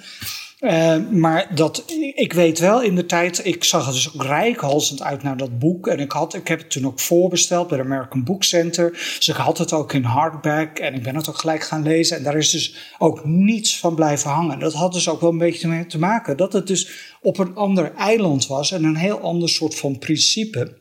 En daarnaast ook nog weer heel zwaar leunde op een leuke side character in de eerste film, die in de tweede film. Uh, als je een hele film moet draaien. De, Linde, jij hebt vast die naam paraat. Ik heb altijd zo slecht met dat soort namen. Uh, wie is ook weer de acteur? Ik heb, ik heb de, de, wiskundige die de. Uh, de Jeff Goldblum. Oh, Jeff Goldblum. Dus die is altijd, die is, dat is typisch zo'n acteur die altijd heel leuk is in een bijrol, maar niet in een hoofdrol. En dat zie je dus ook heel erg af, vind ik. Hij, is, nee, hij, hij kan die film echt niet dragen. Hij, hij draagt is, die film niet. Ook, en dan, het is, maar het is me ook niet helemaal duidelijk, ook in deel 1 niet. Wat is nou zijn. Uh, ik, loop, ik loop vooruit op mijn eigen draaiboek. Nee, wacht. Uh, uh, ja, we gaan even. Ik, wat, ik net, wat ik net wil zeggen um, was over die dierentuin. Ik vond dus um, Jurassic World, die ik al gezien bleek te hebben, wat, ik, wat ook een, een soort verrassing voor mezelf was. Um, dat vond ik dus wel weer ook een leuke film. maar misschien is dat dus ook omdat dat dus ook weer in een park is. Ja, nou, en dit is. Ik denk dat wij allemaal wel naar een dierentuin zijn geweest in ons leven. Ik weet niet of we allemaal ook al een keer op safari zijn geweest. Maar het houdt natuurlijk een beetje in het midden tussen die dingen. En um, het, het, het, het, maakt dat je dus die verwondering heel erg kunt hebben. Die je dus ook echt ziet. Hè. Ik was dan toevallig kort geleden. Uh, was ik met onze kinderen naar Artis. Voor een. Uh, was niet een field lab, was testen voor toegang. Oh, oké. Ja, nee, dat is daar heel zie je, anders. Daar ja. zie je heel erg die verwondering in. Dat je gewoon een beest ziet wat veel groter is dan jij. Zich heel anders gedraagt. Maar het zit wel steeds achter glas. En dat vinden kinderen ook heel spannend. Als het dan achter glas zit en het beweegt, dan springen ze even weg. En dat glasaspect, dat is precies de fourth wall eigenlijk een beetje. Dat breekt zo lekker in deze films. Je hebt van die geweldige scènes met ineens een hele T-Rex boven in je, in je, in je Ford uh, F100. Je hebt, een, je, hebt, je hebt van die, uh, van, ook in die tweede film heb je dat die Sarah Harding op dat glas ligt en dat glas dan langzaam gaat breken. Ja, ja, ja, steeds. De illusie van veiligheid die valt zo weg. En dat maakt zeg maar, vooral die eerste film zo ongelooflijk spannend. Dat je de hele tijd denkt, hè, we zitten gewoon in een soort theme park ride. En dan ineens valt er een geitenbeen op je dak. Ja, het is, maar het is dus. Um, hoe meer ik erover nadenk, hoe briljanter het concept al is. Weet je wel? Dat het gewoon dat het zo slim is dat ze dit, dat ze dit bedacht hebben. En uh, volgens mij had ik het hier met jou over al, al ver voordat we dit gingen opnemen, Tom. Over dat, um, um, uh, dat, dat, dat er ook een soort. Je wil dat dingen die niet bestaan ja, daarvan wil je dat ze bestaan of zo. En zeker, zeker als kind. Was dat met jou? Was dat niet met jou? Dat het dus ook een Ik- beetje. ik- volgens mij niet met mij. Het, het doet geen belletje. Nou ja, dat het, het is een beetje zoals met. Dus elfjes bestaan niet. Maar stel je voor dat je. En die hebben ook nooit bestaan. Maar stel je voor dat je het DNA zou kunnen hebben. En dat je ze tot leven kan wekken of zo. Dat is dus hier ook met die dino's. En da- daar zit misschien dus ook die fascinatie in voor die dino's. Ze bestaan niet, maar ze hebben wel bestaan. Dat is ook al gewoon. Daar zit al iets heel spannends. Toch? Ja, ik Ja, moet... eh, zo. Ik bedoel, het is natuurlijk. Ook, ook die, hele fascinatie komt er natuurlijk ook vandaan van. Oh mijn god, als, als klein jongetje, dit, dit heeft echt rondgelopen op de wereld. En, en de wereld was vroeger heel anders. En dan had je van die gigantische beesten, maar hoe zou dat dan echt zijn? En, en daar zit die, inderdaad die fascinatie in, in, in de wat als. Ja, ja, dat is heel erg de wat als. Ehm, wat als? Ja, ehm, eh, life finds a way. Wat betekent dat eigenlijk? Ja, ik Antropoloog. wilde, ik, Dokter- je zei net, er Michiel. niet zoiets waar ik iets op, op Life Finds a Way, waar ik nog op, nog op in wilde haken. Ook eigenlijk middels, middels een boek. Want, en dat heb ik een paar jaar geleden gelezen. Dat is van ehm, eh, Steve Brissett, The Rise and Fall of the Dinosaurs, A New History of, Lost, of a Lost World. En dat spreekt eigenlijk een beetje wat je net zei. Van ze hebben, ja, ze konden bestaan. Hebben, of ze hebben bestaan natuurlijk. Hè, en, hoe geweldig zou het zijn als we ze werkelijk zouden kunnen zien. Maar wat ik me dus eigenlijk heel slecht gerealiseerd heb hoe lang ze eigenlijk rondgelopen hebben en hoe die hele geschiedenis zelf van de dinosaurus in elkaar zit. En dat, dat legt dat boek heel mooi uit. En dat, dat was iets waar we het eerder ook al over hadden, over accuracy. Dat zat in 1993, toen die eerste film uitkwam, stonden de kranten daar ook vol van. Want de naam zelf was al inaccurate. Hè? Het heette dan Jurassic Park. Maar ja, die dino's komen helemaal niet uit de Jura-area. En ik, weet je, ik was daar nooit in geïnteresseerd. Ik kon, dat kon me echt eigenlijk nooit zo boeien. Maar toen ik dat boek dus las, dacht ik van... God, dat is toch ook wel wonderlijk. Daar zitten soms honderdduizenden jaren ook tussen. Die beesten hebben echt gigantisch lang die planeet aarde voor zichzelf gehad. Ehm, en, en eh, dus dat is alleen al een aanrader van. Maar het is ook wel om je zeg maar bewust te zijn van god, die planeet Aarde is er al 4,5 miljard jaar. En er zijn dus een aantal miljoenen jaren dinosaurussen hebben daarop op rondgesjouwd. Dat is toch eigenlijk wel een heel wonderlijk idee. En ik denk dat dat is wat die film ook zo bijzonder maakt. Dat je er toch kunt voorstellen van wat dat ongeveer geweest moet hebben. En de nietigheid die, eh, die, die, die wij dan als menssoort eh, hebben in vergelijking daarmee. Terwijl we, toch, terwijl we toch die shit gaan fucken. Ja, nou over die nietigheid. Dus hè, we hebben het nog steeds over waarom is die film zo goed. En daar moeten we volgens mij ook gewoon twee uur over praten. Ja, dat is het En- idee. Maar, maar wat ik dus vaak doe... eh, Het is wel een beetje vierkante ogen show dat hoor. Dat, eh, Ja, dat, dat precies, al- alleen ja. maar fan. eh, Dat ja. dat- eh, Ik ga, ik ga straks wel even een beetje kap- kapitalisme kritiek erin Ja, nee, ik wil straks het ranten. Maar wat, wat, ik vind het leuk om... Ik kijk zo'n film dan nog een keer en nog een keer. Dus dan ga ik de volgende keer proberen eh, met mijn... Totaal niet geschoold in deze cinematografische hoek. Maar ik vind het wel leuk om een beetje de amateuristen erin. Dus wat ik dan ga proberen is te kijken naar hoe is het nou gefilmd. En dat is dus best wel interessant over... Zeker over de eerste film. Dat eh, niet alleen... Je hebt dus die aspect ratio die dus 1 tot 1,85 is. Waardoor het best wel hoog beeld is. En dat wordt helemaal tot in het puntje uitgemolken, dat concept. Want wat je steeds ziet, is die verwondering en eh, de camera die naar boven kijkt op een hele grote Brachiosaurus. Maar ehm, je hebt ook heel veel shots waarin mensen dus expliciet boven de dinosaurussen worden gefilmd. Dus als ze boven die eieren staan of als hij op die triceratops die ziek is ligt. En er wordt er steeds gespeeld met dat concept van eh, aan de ene kant zijn ze de baas van deze beesten. En de andere keer als er eventjes, als het minst of geringst gebeurt, als er één IT-guy de boel verneukt, dan staan ze ineens helemaal onder de dino's. Staan alle mensen heel erg klein ineens, of dan komen ze in de auto onder de T-Rex te zitten. En daar wordt zo ongelooflijk goed mee gespeeld, dat je ook zelf als je je daarin verplaatst, en ik kon dat dan als kind bij die kinderen heel goed, daarom is die scène was, hè, en de scène in de auto en in de keuken vond ik het allerengste. Ja, die scène in de keuken, dat, dat, was, dat was zo classic. Ja, die, die keukenscène, dat is zo iconisch. Elke keer weer als je Ja, het kijkt, terwijl ook, ik zat het te kijken en ik, ik bleef ook maar, weet je, wat is nou zo iconisch hier aan? Maar het werkt zo goed. Sorry, ga verder, Sikko. Nou, die, om hierop verder te gaan. Kijk, ze worden steeds samen in een shot ge- gepakt, die Velociraptors en die kinderen. Maar dan de Velociraptor is rechtsboven rechtsboven, kinderen linksonder of andersom. En eh, de kinderen zijn heel laag bij de grond. En die velociraptors die zijn hoog bij de grond. En ze moeten als een soort, ze moeten plannen en ze moeten een beetje denken, hoe kom ik uit dit doolhofje? En dat is gewoon het spelletje wat je speelt, verstoppertje als je klein bent. En dat is dus super spannend. Je ziet ze ook om het hoekje gluren. Dus je kunt je er heel goed in verplaatsen. Alleen deze keer is het niet, eh, zeg maar, eh, Danny van drie deuren verder die je buurt vrij kan roepen, maar is het een fucking roofdier. Ja, ja, ja. Um, life finds a way. Yes. Wat, is, wat betekent dat? Tom, wat betekent ja, in dat? De, in, de context van de, in de context van de film betekent het uh, dat uh, leven wel een manier vindt om, om, ehm, om het in, in de termen van Willem Schinkel te doen, te woekeren. nice dus, dus, Willem Schinkel referentie hier. Ja, toch even erin fietsen. Als we dan toch kapitalisme gaan bekritiseren straks, dan beginnen we nu alvast. Even een stukje theorie van de ehm, kraal. Ja, uh, daar, daar, is een hele leuke onder media doctoren aflevering over. Als je er meer over wil weten, luisteraar. Ga daar naar luisteren. Anyway, uh, ja, dat, dat, je leven als mens, je kan wel zeggen, oh, we gaan het helemaal controleren en we hebben het in de hand. En, en het, het is gewoon classic Frankenstein natuurlijk. Van uh, de, de, de, hoogmoed van, van, van de menselijke wetenschapper die denkt dat hij met leven kan fucken. Ja. leven, leven heeft zijn eigen plannetjes wel. En dat is natuurlijk ook, ook, ook heel erg wat hierin zit. Het, het, het is Frankenstein die, die dat monster dat weer losbreekt en uh, zijn ding gaat doen. Ja, dat, dat, dat, dat vond ik ook. Ik vond het heel erg Frankenstein. En, en, ik, en ik vond het dus ook. Er zit, er zit iets heel romantisch in. Maar dat komt ook alleen maar mhm. omdat ik dus net een miniserie over de romantiek heb gekeken.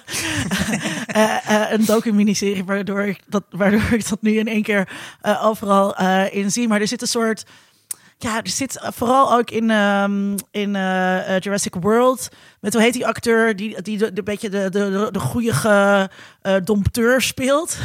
Dat, um, dompteur? Ja, hij is toch een dompteur, ja. Ja, um, maar echt geniaal. Dat, dat, dus het, het is een soort conserva ja, uh, conservatie. Um, weet je wel, we moeten inderdaad geen hoogmoed um, hebben uh, technologie is goed, maar ook niet zaligmakend of zo. Het is eigenlijk best wel een soort natuurconservatisme uh, hangt eraan, zonder dat nou ook echt te zijn of zo.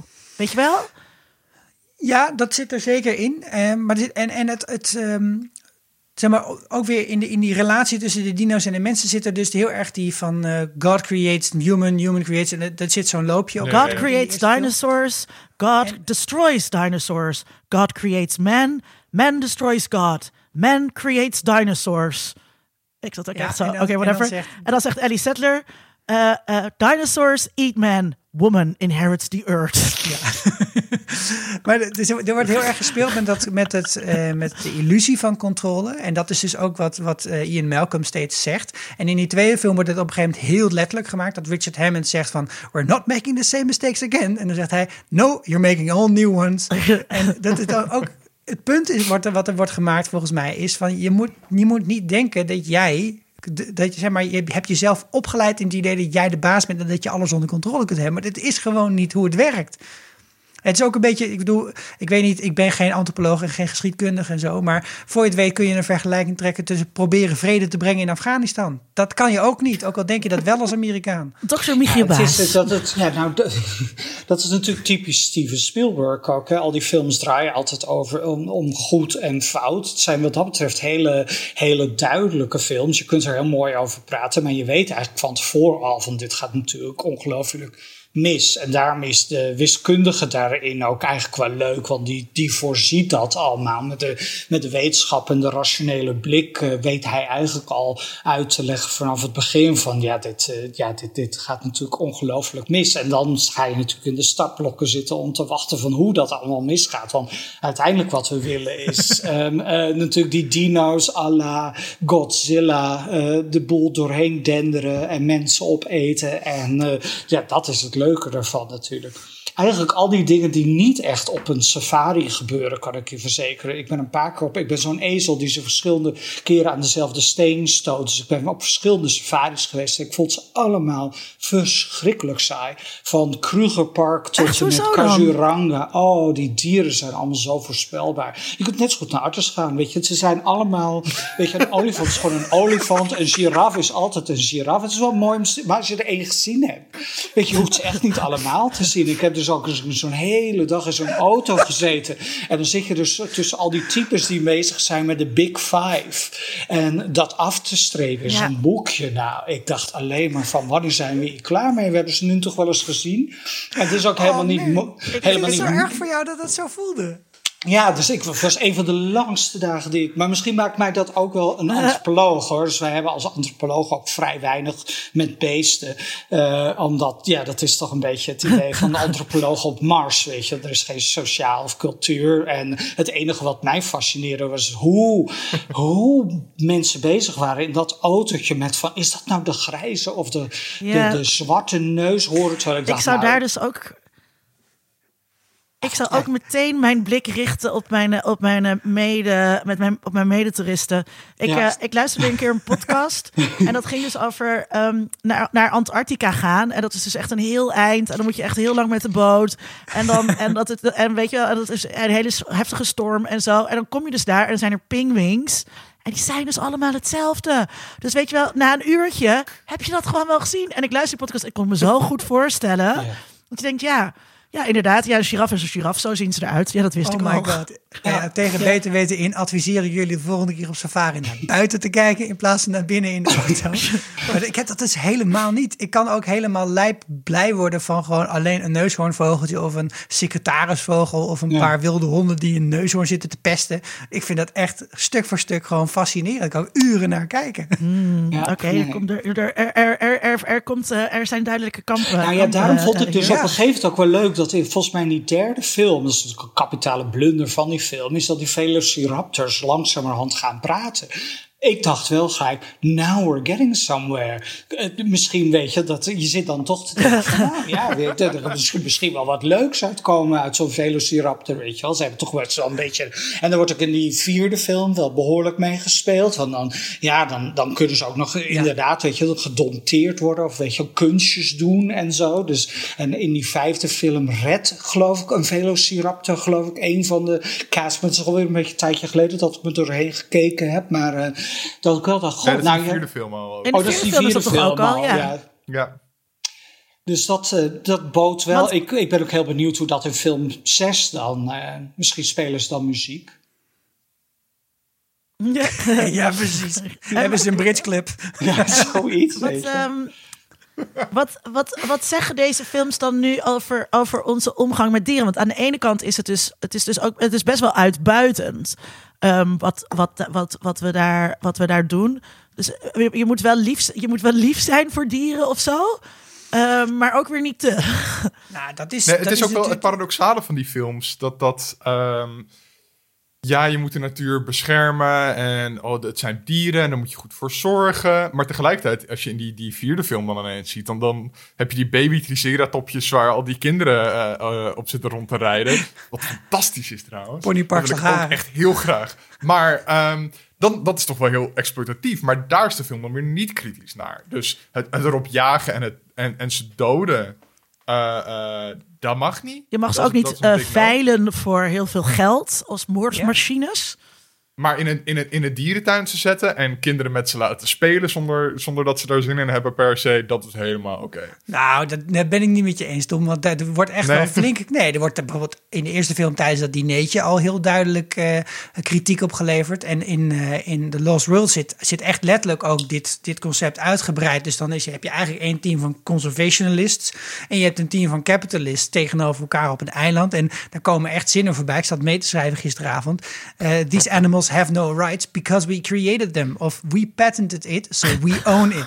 Dus dat wordt echt... Het is, het is niet dat het, dat het terloops eens genoemd wordt. Dat we gewoon dik on the nose in je gezicht gedrukt. Dat, dat deze twee waardewerelden tegen Ja, elkaar ja, ja, worden. dat, dat, dat zit er wel in hoor. Maar het is natuurlijk ook. eh, ehm, uiteindelijk zijn er goede manieren om ze te exploiteren.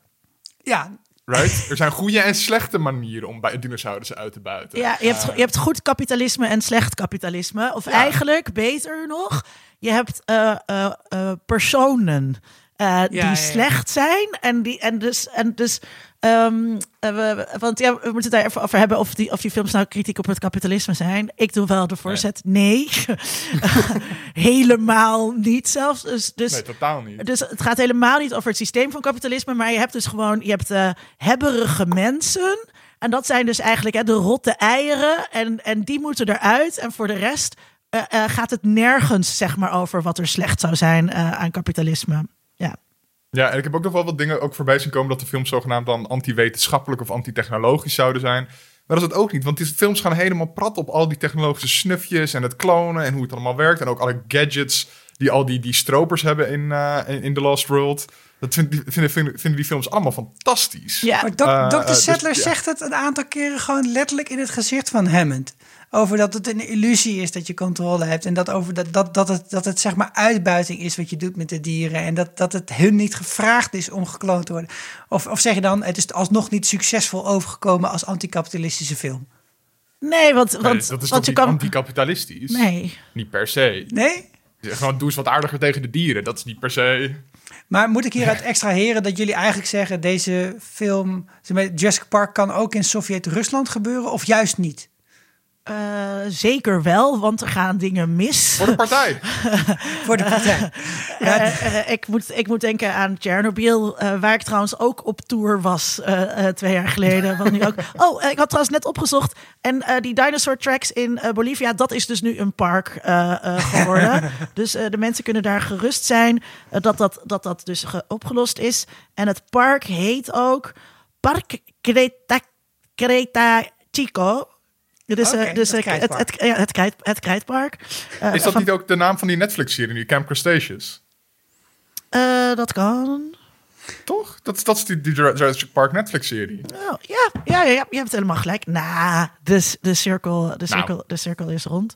Ehm, maar dus, ja, ik, dat, dat, ehm, eh, zou dit in de Sovjet-Unie kunnen gebeuren? Ja, dat kan ook. Eh, zou, zou, ja, oh ja, waarom eigenlijk niet?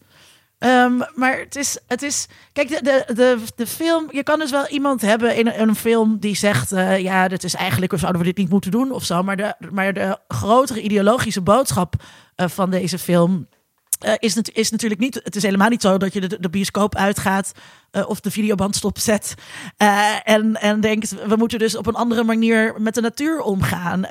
of we moeten ophouden met geld verdienen aan dieren. Of technologie zou een andere rol moeten dienen dan monies maken. Al die, al die dingen helemaal niet. Nee, juist. Eh, de boodschap is eerder: met technologie kan je goed geld verdienen. En als je dieren op de juiste manier uitbuit, dan keren ze zich niet tegen je. en dan kan je veel geld verdienen. Deze Maar dat film, zie je ook aan, koop spullen. Ik wil graag veel geld aan je verdienen. Wat zei Top? Ja, als je kijkt naar Ja, bron, bronmateriaal van Michael Crichton, daar draait het natuurlijk eigenlijk altijd om het idee van technologie brengt iets nieuws, iets, iets bijzonders, waar je iets, iets heel unieks mee kan. En dat gaat dan fout. Een beetje wat Tom ook al noemde, de, de, het Frankenstein-model. Dus eh, die creatie. Ik heb eigenlijk helemaal niet zo'n voor of tegen kapitalistische kritiek hierin gezien. Ook omdat ik dat heel lastig vind met alles wat daar omheen gebeurt. Om zo'n film, waar natuurlijk die vierde film ook heel erg op ingaat. Hè? Dus dat eh, alles van vroeger van Jurassic Park is eigenlijk ook alweer iets geworden wat je kunt kopen. En wat retro is en wat op bekers zit en op potjes. En als je dan de Starbucks binnenloopt, dan Ik is er een spe speciaal dat heel leuk. frappuccino. En, Ik vond het heel leuk gedaan dat ze inderdaad aan het begin dat, eh, dat eh, uitleggen van nowadays nobody is impressed by dinosaur anymore. Hè, dat het publiek, dat het publiek ehm, hè, het, dus het is kritiek op het publiek ook een beetje soort van. Hè, dat het steeds groter en heftiger wil. En dat klopt natuurlijk ook. En dat betekent ook dat hè, de makers zelf voor deze film meer moeten uitpakken. En, en dat gebeurt ook. Eh, dus we worden wat dat betreft op onze wenken bediend. Dus we worden ook niet bekritiseerd, maar eh, juist Ja, ik vond dat dus wel echt een beetje flauw in, in, in, in, in die vierde film. Dat is gewoon zeggen van, we, we doen iets waarvan we eigenlijk vinden dat het een beetje kut is. Maar Ja. zolang we het maar benoemen, komen we er wel mee weg. Ja. Dat vond ik, vond ik een beetje, een beetje Ja. flauw. Ja, dat is het precies. Dat is het precies. Ja, Ja, en dat is laat kapitalisme, is dat. Ja, precies. Ja. Ik vond die, die vierde film, ik weet niet of we daar al aan toe zijn hoor. Oh ja, dat Eh, mag. de draaiboek technisch gezien, want ik Ja, zie nee, Linda is, is eh, ja. eigenlijk altijd super Ja, streng, dus die maakt allemaal gebaren van hou je mond, hou je mond. Ehm, nee hoor. Uh, die vierde film is natuurlijk eigenlijk ergens heel niet alleen retro, maar ook best wel regressief. Best wel ouderwets als je hem vergelijkt met die eerste film. Ik, ik heb me daar echt hmm. over zitten verbazen. Dat ik dacht, want ik heb dat heel vaak, dat ik denk, god, er kon vroeger eigenlijk veel meer op televisie. En qua bepaalde debatten die veel makkelijker aangegaan werden, waar we veel minder krampachtig over deden. Maar als je de eerste film vergelijkt, bijvoorbeeld in, in de manier waarop het gender wegzet, dan, en, en dat vergelijkt met die vierde film, dan is dat, uh, dan is dat echt een enorm verschil. Waar, uh, uh, hoe heet zij, die, die de vrouwelijke hoofdrol speelt in de eerste film? Eigenlijk Bryce Dallas Howard? Nee, Laura Dern in de eerste. Oh, Laura Dern. Oh, Laura Dern. Nou, die, hoeft ook, die, hoeft, die heeft gewoon hele praktische schoenen aan. Die hoeft geen moment sexy te zijn. Die mag ook gewoon intelligent zijn zonder dat daar iets, uh, weet je, iets grappigs van gemaakt moet worden. Ze zijn ook eigenlijk heel gelijkwaardig aan elkaar.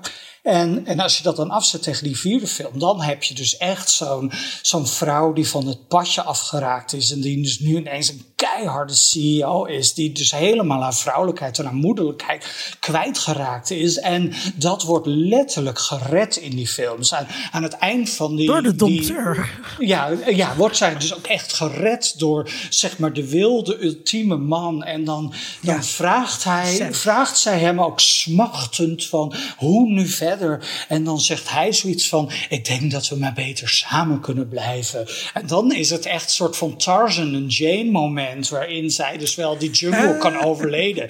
Met, met, met hem. En dat is niet grappig bedoeld specifiek. Er zitten wel grappige momenten in die film. Maar hij is wat dat betreft echt, echt cringe-worthy ja, slecht. Het, het, is ook wel echt eh, aan, aan. Je ziet aan die film ook van zij moet een soort bepaalde karakterontwikkeling doorgaan. En zij zijn eigenlijk een soort van koofsterren in die film. Maar hij hoeft niks te leren. Nee. Hij, hij gaat geen enkele reis door. Hij is awesome aan het begin. Hij weet precies wat er aan de hand is. Hij weet dat alles fout gaat. Hij weet dat je, wat je moet doen. Hij moet, hoe je eruit moet komen. Hij gaat je redden. En aan het einde is hij nog steeds dezelfde man. Ja. Ja. Hij, gaat, hij heeft geen enkele karakterontwikkeling, helemaal en, dat is, niks. Misschien is dit iets algemeners ook wat we kunnen bespeuren bij remakes of bij het films van tegenwoordig. Maar wat ik, dat, dat vind ik dus heel vreemd. Dat in, uh, er wordt dus gedacht, als we een film maken die lijkt of hoort bij een oude film, dan moet die uh, veel groter, explosiever, meer dieren. En aan, die, die Fallen Kingdom gaat er aan het begin al een vulkaan af. Dat ik denk, Jezus Christus, want ik zit net. en, en het moet blijkbaar ook qua verhaallijn ingewikkelder. Hè? Dus er, is, er zijn ook mensen die willen Velociraptors gebruiken voor het leger. En er zijn ook mensen die. En ook, ik denk, nou, volgens mij was dat ingewikkeld genoeg in Jurassic Park 1. Want niemand kan het in één keer navertellen, weet je wel. En hetgene waar we dan op bezuinigen, is gewoon persoonlijke verhaallijnen. Ja. Precies de reden waarom eigenlijk 90% van de mensen naar de bioscoop gaan om te kijken naar hoe andere mensen door het leven gaan. Ja, dat, is vandaan. Dat is wel, ik weet niet, dat is wel echt een ontwikkeling. Als je bijvoorbeeld naar televisieseries zo kijkt van, uh, van diezelfde periode als een film. Hè, de Next Generation van Star Trek bijvoorbeeld. In die eerste seizoenen was er eigenlijk altijd maar één probleem wat opgelost moet worden. En, en eh, gaandeweg de seizoenen kwam er soms nog wel een tweede probleem bij. En dat was altijd een persoonlijk probleem. Dus er was één hoofdprobleem en één persoonlijk probleem. En nu hebben televisieseries, en dat zei ik ook aan het begin van Game of Thrones en The Witcher, hebben vaak zo verschrikkelijk veel verhaallijnen dat ik, ja, ik moet enorm, ik moet dus ook altijd mijn vriend in de buurt hebben, want op een, of andere manier heeft hij dan wel dat vermogen dat allemaal uit elkaar te houden. Maar ik, weet je, die kan dan ook echt zeggen, nee, maar in het vorige seizoen was het toch die neef die getrouwd is met die achternicht van die draak van die, en dan echt, waar heb je dat allemaal we bij We zien het, uh, binnen mediawetenschap wordt het gezien als, uh, als uh, kenmerkend voor deze derde gouden eeuw van televisie. Dat ja. uh, televisieseries ontzettend gelaagde personages um, hebben. Dus mooie voorbeeld daar is de Tony Soprano en de Sopranos. Um, hè, dus dus um, um, uh, we hadden de laatste aflevering gemaakt over politieke series. En in House of Cards is die hoofdrolspeler, die is gewoon slecht. En dat is zo boring. Want Tony Soprano is, uh, is een maffia, maffiaman. Maar hij heeft laagjes. We, leren hem ook kennen dat hij bij de, bij de psycholoog uh, uh, zit. En die gelaagdheid. En dat kan je dus juist in televisieseries kan je dat heel goed uitdiepen. Kan je die karakters en hun onderlinge relaties heel erg uitdiepen. En dat is een van de redenen waarom ik liever series kijk dan naar films tegenwoordig. Omdat bij films dat inderdaad ontbreekt. Ik wou nog wat zeggen over die genderrepresentatie. Dit is echt een stokpaardje uh, van mij, weten luisteraars. We hadden gewoon in de jaren negentig hadden we fucking goede genderrepresentatie. er, waren toen gewoon, gebeurden echt hele vette dingen. En dat is, en dat, en dat, en dat is slechter geworden. Dus we, steken, we blazen nu heel vaak een los trompet van... oh ja, weet je wel, een vrouwelijke hoofdrolspeler of zo. Maar het, het was ooit... waren we dus op de juiste weg. En de vraag die je dus ook moet stellen is... hoe komt het dat, dat, dat, dus, dat we dus weer terug zijn gegaan. Dat we van Laura Dern naar zo'n um, uh, gaan. En ik moet daar dus heel erg om lachen als ik zo'n personage uh, zie op de hakken. En, en de harde zakenvrouw verandert verandert in, in iemand die dan, weet je wel, eerst, eerst weet ze niet eens de namen van, of ze weet niet hoe oud die kinderen, hoe oud haar neefjes zijn. En dan daarna ontpopt ze zich helemaal als een, als een moeke en zo. Ja, dat is toch gewoon, dat is toch gewoon hilarisch. En inderdaad regressief, zoals, zoals Michiel zegt. Um, ja, maar tegelijkertijd zit daar wel nog in allebei die films, dat wil ik ook nog wel even benoemen, gewoon dat, dat idee van dat, dat, dat kerngezinnetje dat hersteld moet worden. Daar houden ze allebei natuurlijk wel heel erg aan vast. Al, doet die, die eerste film dat uh, wel een stuk beter en is Laura Dern een volwaardig persoon. Uh, voordat en, die, man, die andere dokter ook. Um. Want daar wil ik nog wel wat vragen over stellen. Maar eerst wil ik nog één ding zeggen. Dat in die transformatie van, uh, hoe heet zij, Claire... zie je dus ook weer dat, uh, wat ik net zei over kapitalisme. zij is dus een slecht individu binnen kapitalisme. Ze is een te harde tante. En zij moet dus zacht gemaakt worden. En dan is ze een goed persoon binnen het kapitalisme. En dan kan ze dat park ook eigenlijk beter leiden. Dat wil ik nog even zeggen. Dan, doorgaand op wat jij net zei, Tom... Hebben die Alan Grant en Ellie Setner nou een relatie of niet? It's complicated. Tom zegt ja toch? Sikko zegt it's complicated. Wat, wat dan? Het is toch best wel onduidelijk in die film? Nee, volgens mij hebben ze geen relatie. Maar dit is wel iets waar je echt heel lang over kan discussiëren. Blijkbaar. Jullie hebben daar heel lang over gediscussieerd ja, in de vierkante ergens hebben ze elkaars hand vast. En hij zegt natuurlijk mhm. tegen Ian Malcolm dat ze bezet is. Uh, maar dat, ja, dit is volgens mij is dat zo'n soort, soort truc dat je gewoon, ik vind jou een, eh, een vervelende creep en ik, uh, ik ga gewoon even zeggen, ja, die goede vriendin van mij die is bezet. Dat, ja, dat, heb ik, kan ik me voorstellen dat je dat doet. En ja, ik, ze hebben het dan wel over kinderen, maar dat gaat ook wel meer op abstract niveau over kinderen. En dat gaat niet over hun kinderen, dat gaat over kinderen. Dus ik heb steeds het gevoel dat er misschien iets was of iets gaande is, maar ze hebben niks.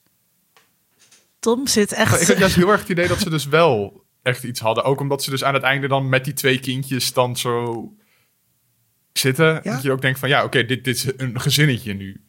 Uh, dat, ik had echt het idee wel, ook, zij horen wel bij elkaar. Michiel, jij hebt die boeken gelezen Dat is ook wel weer mooi natuurlijk, hè, dat het helemaal niet duidelijk is. Dus dat je daar nog over kunt fantaseren. Want dat is, mm. dat is eigenlijk in, in films die nu gemaakt worden eigenlijk nooit mogelijk. Hè. We weten al vrijwel onmiddellijk ja, het hoe het zit. Of, het is allemaal heel letterlijk. En ik heb, ik, ik, ik, heb net een vak weer afgerond wat ik geef. Dat, eh, dat heet Queer Planet. En dat gaat dus heel veel over gender en sexuality en identity formation. En hoe mensen... Leuke onderwerpen.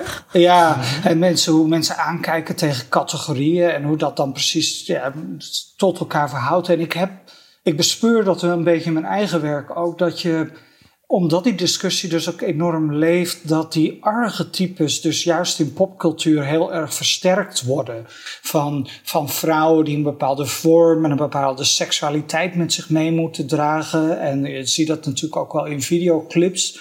Um, wat bijvoorbeeld, ik zag laatst een documentaire te kijken van Salt and Pepper. En toen viel mij dus ook op dat zij dus wel over seks mochten zingen. En over het genieten van seks. En over ja, feministisch zijn. En daar populair in waren. Maar dat zij dus dan niet tegelijkertijd heel seksueel zelf waren. In, in, de manier waarop ze zich kleden en aankleden. En dat, dat is natuurlijk wel iets wat heel erg verschoven is. Uh, in de laatste 10, 15 jaar misschien wel. Waarin ja, alles heel erg uitvergroot wordt. Mannelijkheid is ook heel erg um, uh, gelijkgesteld wordt aan, um, aan gespierd zijn. Ik heb daar zelf over geschreven. Het boek wat, ik, wat vorig jaar van mij uitkwam ging over, gaat over de populariteit van fitness en bodybuilding in India. En daar, daar start ik eigenlijk een beetje met de ontwikkeling zoals die tien jaar geleden ineens opkwam in Bollywood. Waarin acteurs dus steeds meer een scène, echt een scène krijgen waarin ze uit de kleren gaan. Dus uh, hun, een, een six-pack app uh, of een bepaalde muscularity. Dat dat heel erg als narratief wordt ingezet. En dat zie je natuurlijk ook wel een beetje in de superheldenfilm. Waar, vroeger was dat met Superman ook veel minder dat, dat Superman ook had wel natuurlijk al perfecte lichaam, maar de aandacht op dat lichaam zelf en hoe zich dat dan verhield tot die ultieme man en die ultieme mannelijkheid was, werd minder belangrijk, werd minder verondersteld. Daarin zit wel iets regressiefs, een soort van bangen. Soms zit het voelt bijna angstig van, we hebben al die andere mensen die ineens, weet je, met non-binaire identiteit zitten te spelen of met andere seksualiteiten. Dus als het dan op popcultuur uit, aankomt, dan, dan moeten we daar een hele duidelijke positie in. Maar ook, maar ook um, want we, we, hebben natuurlijk nog nooit zoveel diversiteit gezien, uh, queer diversiteit gezien in series. Uh, uh, en maar ook daar, dit is een stokpaardje van Iris, die ook wel eens de gast is geweest. Ook daar is dan altijd is er een liefdesrelatie. Dus dan, dan, hm. komt, dan komt zo'n personage uit de, uit de kast als non-binair. En dan is ze toch uh, verliefd op de beste vriendin. En uh, weet je wel, en dan. En dan anders kun je moet... seksualiteit niet uitleggen. Precies, maar er moet dus altijd een relatie komen. En um, om weer even terug te pakken naar, naar Jurassic Park. Die ambiguïteit, die dus. Uh, die, die ik denk ik dus wel. ik, had, ik had jullie geluisterd, Tico, en toen heb ik de film nog een keer aangezet. En toen ging ik er naar kijken. En die ambiguïteit zit er dus wel in. Uh, dat, daar kom je dus nu niet meer mee weg. Dat, dat, um, dat, en dat, dat is wel een heel interessant uh, punt. Ja. Willen we nog iets anders zeggen over de personages en hun onderlinge relaties? Nou, misschien wel dus over uh, de meneer die uh, geen tweede film in zijn eentje kan dragen, maar toch wel heel leuk was in de eerste film, hè, de wiskundige. De, de, de verpersoonlijking van ook een beetje de obsessie van Michael Crichton met de chaos theory. En dat heeft volgens mij ook de chaos theorie en de, de butterfly hypothesis, zeg maar, voor eeuwig in het culturele ja, ja, ja, en algemene geheugen geëtst. Ik, ik, vond, ik vond dat dus heel leuk dat hij erin zat. Omdat uh, het de, überhaupt een hele film is waar heel veel over theorie wordt gepraat. En heel veel over, eigenlijk over wetenschap. We hebben het ook wel bij de vierkante ogen over de sexiness factor gehad van, van wetenschap. Science en wat mij dus sexy. ook bij, Jeff bij van, uh, van Jurassic World weer opviel... is dat eigenlijk de, natuurlijk zitten er wetenschappers in. Hè. De Dr. Woody komt ook weer terug. Uh, en uh, ik had het blijkbaar zo vaak gekeken, Jurassic Park, dat ik hem direct herkende. Uh, maar er is niet echt een viering van de wetenschap. Of er is ook eigenlijk niet echt meer één iemand die belichaamt hoe, hoe interessant wetenschap is. En dat vind ik wel. Ik weet niet wat, wat ik daar precies van moet maken. Ik kan het alleen maar gelijkstellen aan domme Amerikanen. Maar misschien is dat wat flauw.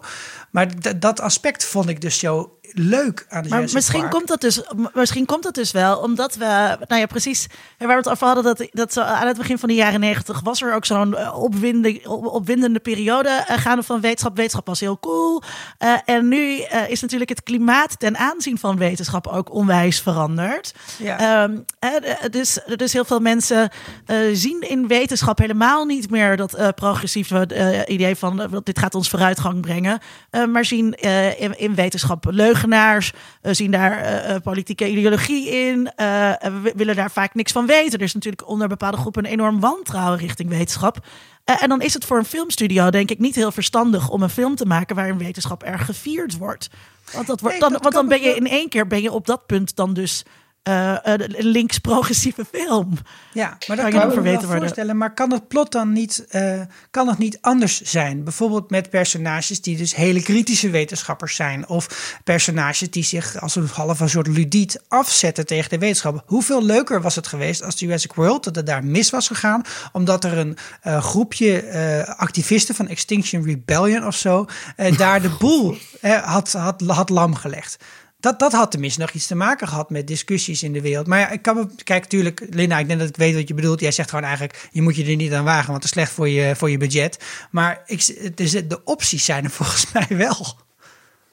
Ja, ik, ik, soms natuurlijk, ik heb dat wel bijvoorbeeld met andere science fiction series en met die hele move uh, richting retro, die we eigenlijk bijna overal nu in gezien hebben, dat het dat het denk ik ook wel een beetje gaat over dat wetenschap zich zo snel ontwikkelt dat het misschien in 1990 makkelijker was om wetenschap nog een soort van heel romantisch te verbeelden. Hè? Dus die, die Neddy, uh, die karakter, het gerammel op zo'n keyboard. En niet iedereen had ook nog een computer of wist daar zo op die manier mee om te gaan. Dus er was nog iets, er was nog iets wat daaraan kleefde, wat bijzonder was. Maar nu is het natuurlijk wel, het is ontzettend moeilijk, denk ik, om, om nu nieuwe technologie te bedenken die op op een à la Michael Creighton werkelijkheid zou kunnen zijn. Ik, was het vorig jaar, was die serie over quantum computing. Daar zit nog wel een soort van mogelijkheid. Maar dat, dat ging ook onmiddellijk over tijdreizen. En, en uh, ik weet niet of jullie die serie gezien hebben. Ik ben even de naam kwijt. Dat ging dan ook over zo'n zo'n zo'n techneuk, zo'n CEO-achtig type... die al zijn geld pompt in een heel ingewikkeld quantum computersysteem... alleen maar om zijn kind terug te krijgen. Uh, weet je, dat, dat verzand dus eigenlijk weer onmiddellijk in zo'n Frankenstein-model. Maar het is gewoon denk ik ook wel aan die studios steeds moeilijker aan het worden om daar nog iets mee te doen. Omdat natuurlijk Apple je keihard inhaalt met alles. En, um, en Microsoft en alle andere bedrijven. En, en, tegelijkertijd die bedrijven ook nog weer zo groot geworden zijn. Dat ze, dat ze nu ook letterlijk voor ons eigenlijk de nieuwe geopolitieke machten geworden zijn.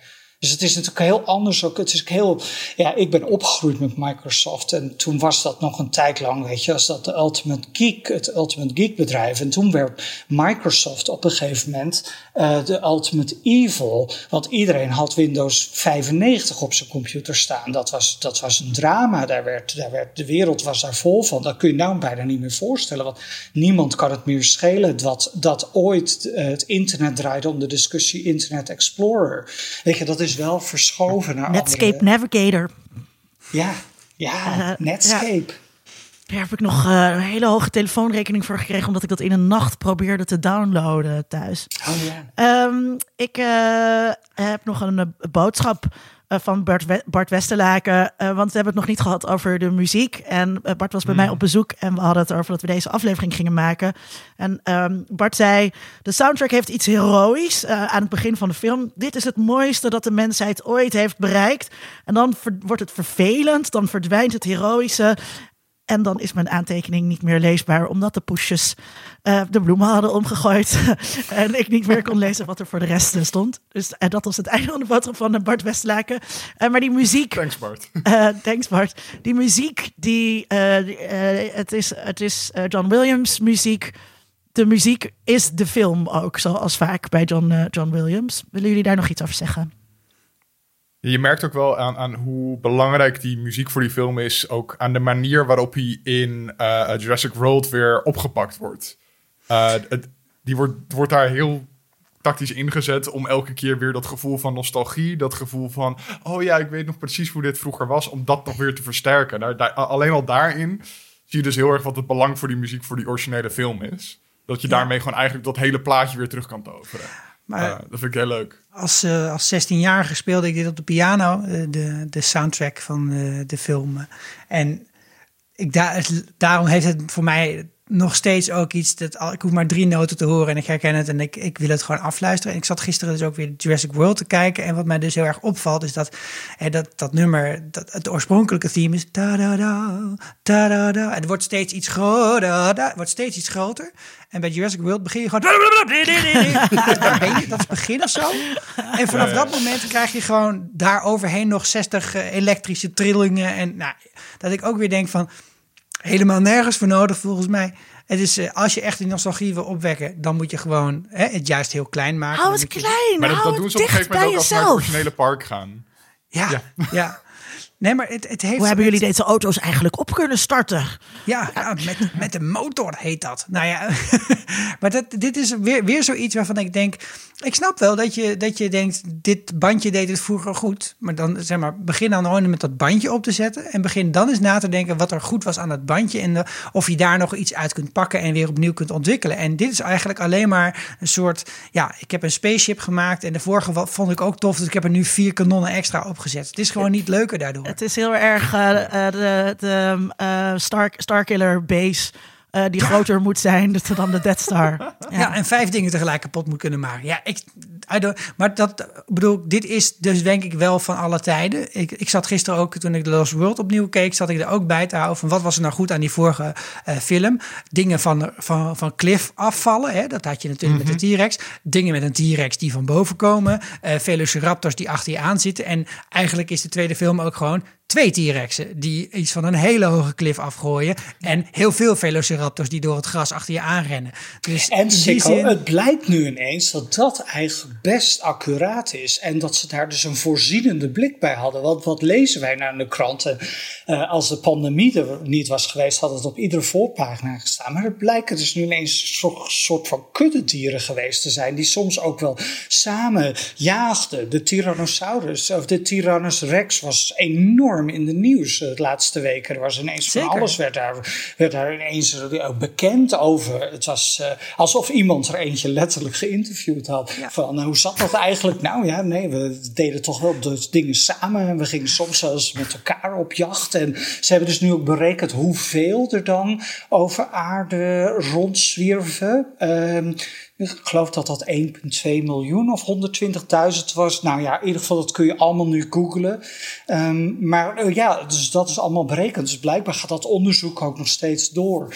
Maar ik zat net te ja. denken, ik moet net ik denken van, jij had het al een paar keer over die screenshots om aan te geven van hoe dat werkt. Eén ding dat in die drie films, de eerste drie heel leuk zit, is in, in, in, het, in die eerste film heb je dus die scène met die auto, hè, die dus die de boom uitkomt racen. Dat, eh, dat is volgens mij in verschillende attractieparken ook allemaal nagedaan. Het is allemaal heel eng, weet je. Dus die, dat, dat, ze worden eigenlijk, eigenlijk achterna gezeten door een auto, terwijl ze uit een boom proberen te klimmen. Dat was Ja. echt fantastisch. Nou, en dan in die tweede film, blijkbaar was dat toch zo'n leuke scène toen ook al, dat ze dachten, nou, dat kan dan ook wel met een boot.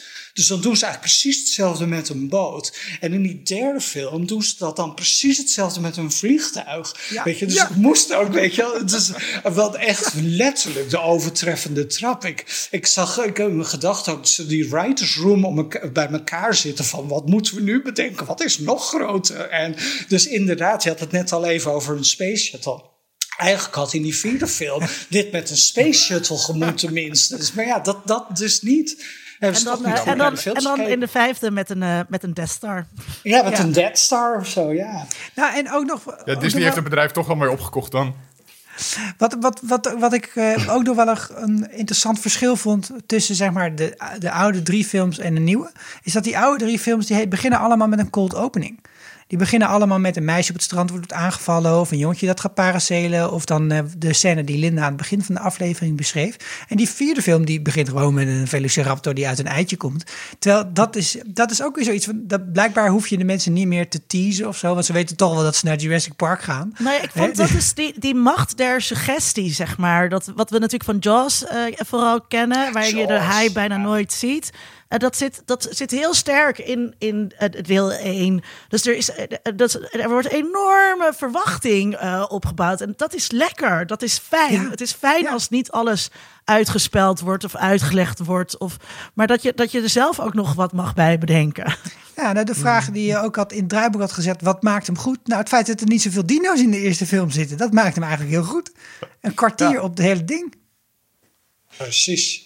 Dat lijkt me En een prachtige ik- einde van, eh, van dat deel. Dus ik zit nog heel sterk in zijn aantekening te gluren. Zijn, zijn we helemaal klaar al met Jurassic Park? Ja, of wil je nog Oh, meer? Ja, we zitten al op anderhalf uur. we zitten al op Nou, anderhalf nee, uur. nee, nee. Nou, het enige wat me dus. eh, wat, maar dat gaat eigenlijk helemaal niet over, over Jurassic Park. Maar wat me dus altijd, toen ik het weer eens allemaal even opzocht, dacht ik: wat moet het voor eh, Spielberg een, een rare gewaarwording zijn geweest om aan Jurassic Park te werken en aan Schindler's List? Ja, maar daarom In- was hij ook Ja. bijna gestopt. Ja? Het- oh ja, met, met Ja, ja, Jurassic Park of met Schindler's List? Dat, eh, Met Jurassic Park. Ja, dat was vond dus- Schindler's List gewoon veel belangrijker. En dat Ja. liep er allemaal doorheen. Het was heel vervelend voor hem. Het was ook Ja, heel raar. Hij vond, het, hij vond het ook heel raar om de ene keer over de holocaust... en de andere keer over een of ander eh, sci-fi dingetje. Dat, dat, eh, dat vond hij niet Ik makkelijk. kan me voorstellen dat het vervreemdend werkt. eh. De vraag die ik nog voor jullie heb, is dat natuurlijk volgend jaar juni, als het goed is, 2022, de laatste film of de nieuwste film van Jurassic World, Dominion volgens mij, uit gaat komen. Ja. En ik vraag me af of jullie een idee hebben van wat daarin gaat komen. Of Ruimteschepen, ruimteschepen dus. Ja, ruim- ruimteschepen? ruimteschema uit bomen. Maar dus ook de originele cast van de eerste film eh, Nee. eh, komt terug. Ja, ja, dus ze hebben Laura Dern en eh, Sam Neill. Die, die gaan ook weer hun originele rollen doen. Je hebt ook weer Jeff Goldblum die weer terugkomt. Dus de, waar? de, de hele crew komt weer bij elkaar uit die originele film. En dan de cast van die nieuwe film natuurlijk. Oh, wat is nou- dat toch steeds met al die oude dingen weer uit de kast trekken? Dat was dan Ja. in leuke 1993. Ik word soms zo knetter van dat retro gedoe. Ja, en ik dat heb we daar dan ook helemaal geen zin Ja. in. Ik ben er helemaal niet Verzin bij. eens iets Nee. nieuws. Ja, Ja. verzin eens Maar ik gun Sam Neill en, en Laura Dern hun, hun miljoenen die ze hiervoor gaan vangen. Ik niet, ze hebben al miljoenen genoeg. Maak iets moois. Ze gaan vast tongen. En dan, en dan gaan ze ook nog Oh ja, uitleggen of ze wel of niet een relatie hadden in die eerste Nee, film. nee, nee, nee. Ze hadden dan al een relatie en toen zijn ze weer uit elkaar gegaan. En dan komen ze elkaar weer tegen in deze film. En dan warmen ze toch weer wat op naar elkaar. En dan aan het einde Ja. van de film zijn ze echt bij elkaar. Dit is hoe het gaat lopen. Ja. Oké, Daar maar wil je nu geld op inzetten. dat, die opmerking over space, was dat serieus? Nee, dat is een grapje. Oké. Nou, ik, had Zo zo, ik, zeg. heb er, ik, ik heb er misschien nog wel een idee over. Als ik nog even mag, Linda.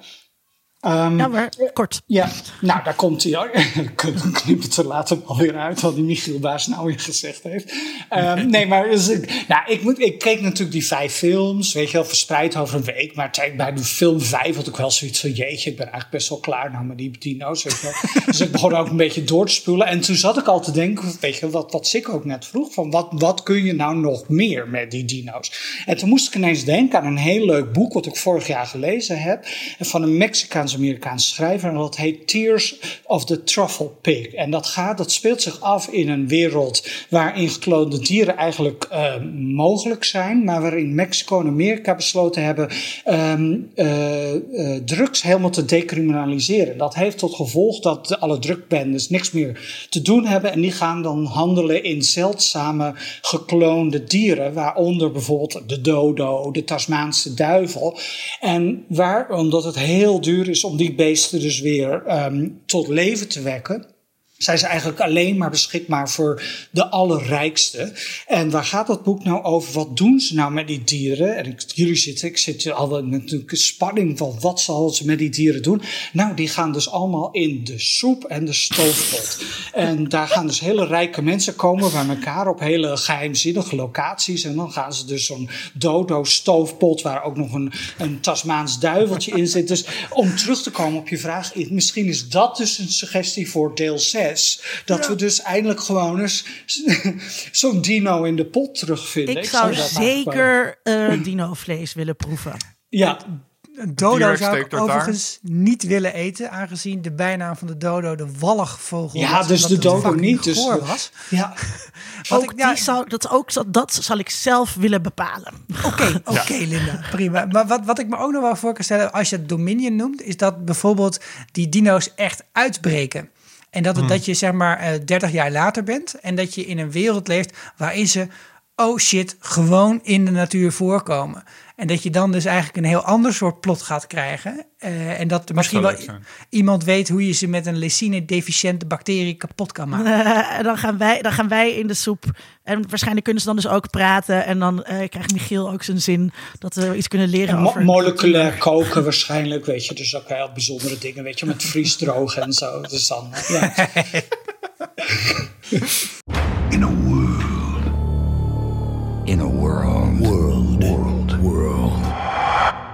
In a world. Oké, we hebben dus weinig zin in, misschien in die volgende film. Eigenlijk toch, ik heb nu eigenlijk toch ook wel weer zin ook in de volgende eh, Tuurlijk. eh, film. Tuurlijk, ja hoor, geef, het- geef het me maar, voer het me maar. Ehm, maximaal twee dingen waar we nog meer zin in hebben. Eh Sikko, wil jij eerst? Eh, Ferry de film. Ferry de film. Ferry de film. Oh ja. De, de prequel Ferry de van- film? Ja, Er komt Ja, een... Ferry oh, de Undercover. undercover? Ja, zeker. Oh my god, dat heb ik helemaal gemist. Ja, nou, Hele met- dikke zomgier. Met de, met de vierkante ogen zo hebben we het hele tweede seizoen van Undercover gecoverd. Omdat we eh, het eerste, toen waren we niet aan het podcasten. Maar het tweede hebben we wel gedaan. En dat probleem was, daar zat veel te weinig Ferry in. Maar eh, Zeker. Netflix heeft echt heel goed geluisterd naar de fans. Want ze hebben nu een hele film over Ferry met Danielle. Dus Elise Oh, Schaap zit er ook in. En die komt uit op 14 mei. En dat is dus al best wel dichtbij. En Wat een heerlijkheid. En Komt verder... die gewoon op Videoland uit? Of nee, op Netflix Ja, op uit dan? Netflix, ja. En Ja, verder, ja. ja. natuurlijk kijk ik uit naar Rick en Morty. 20 juni komt seizoen 2 uit, maar dat zeg ik altijd. Dus dat is, dat is, een, dat is een aside. Linda, is een aside, die telt niet. En eh, binnenkort, in juni, komt de Dino-cast uit. Waarin Gijs Rademaker samen met Maarten van Rossum, de most unlikely Echt, creatures echt een rare combinatie. Maar wel twee hetero mannen die wit zijn. Ja, ze, oh, helemaal, ja. En, maar die gaan met z'n tweeën een podcast maken over dino's... waarbij ze elke aflevering een dino langs de meetlat leggen. En daar heb ik gewoon heel erg veel zin in. Ja, shoot me. Bizar concept. Ja, hè? Eh, Michiel, waar kijk jij naar uit? Ehm, waar ik naar uitkijk is een serie op Apple. Volgens mij is het op Apple TV. The Mosquito Coast. Eh, dat was een film van heel lang geleden. Natuurlijk naar het boek van Paul Theroux. En dat is nu tot een serie geworden. Volgens mij is het ook al gereleased. Eh, maar dat moet ik waarschijnlijk hier in Sri Lanka niet met mijn wifi hier in het strandhotel proberen. Ehm, maar wat ik daar het leuke aan vind, oh, en ook alweer, ik ben ook heel benieuwd hoe dat dan weer afloopt, is dat zijn zoon, dus Paul Theroux, de schrijver, zijn zoon Justin Theroux, speelt daar onder andere de hoofdrol in. Ik heb dat boek echt verslonden als tiener. Ik vond dat echt waanzinnig. Uh, het gaat eigenlijk over een man die de, we de, wereld achter zich wil laten en een ijsfabriek begint ergens in de jungle van Honduras.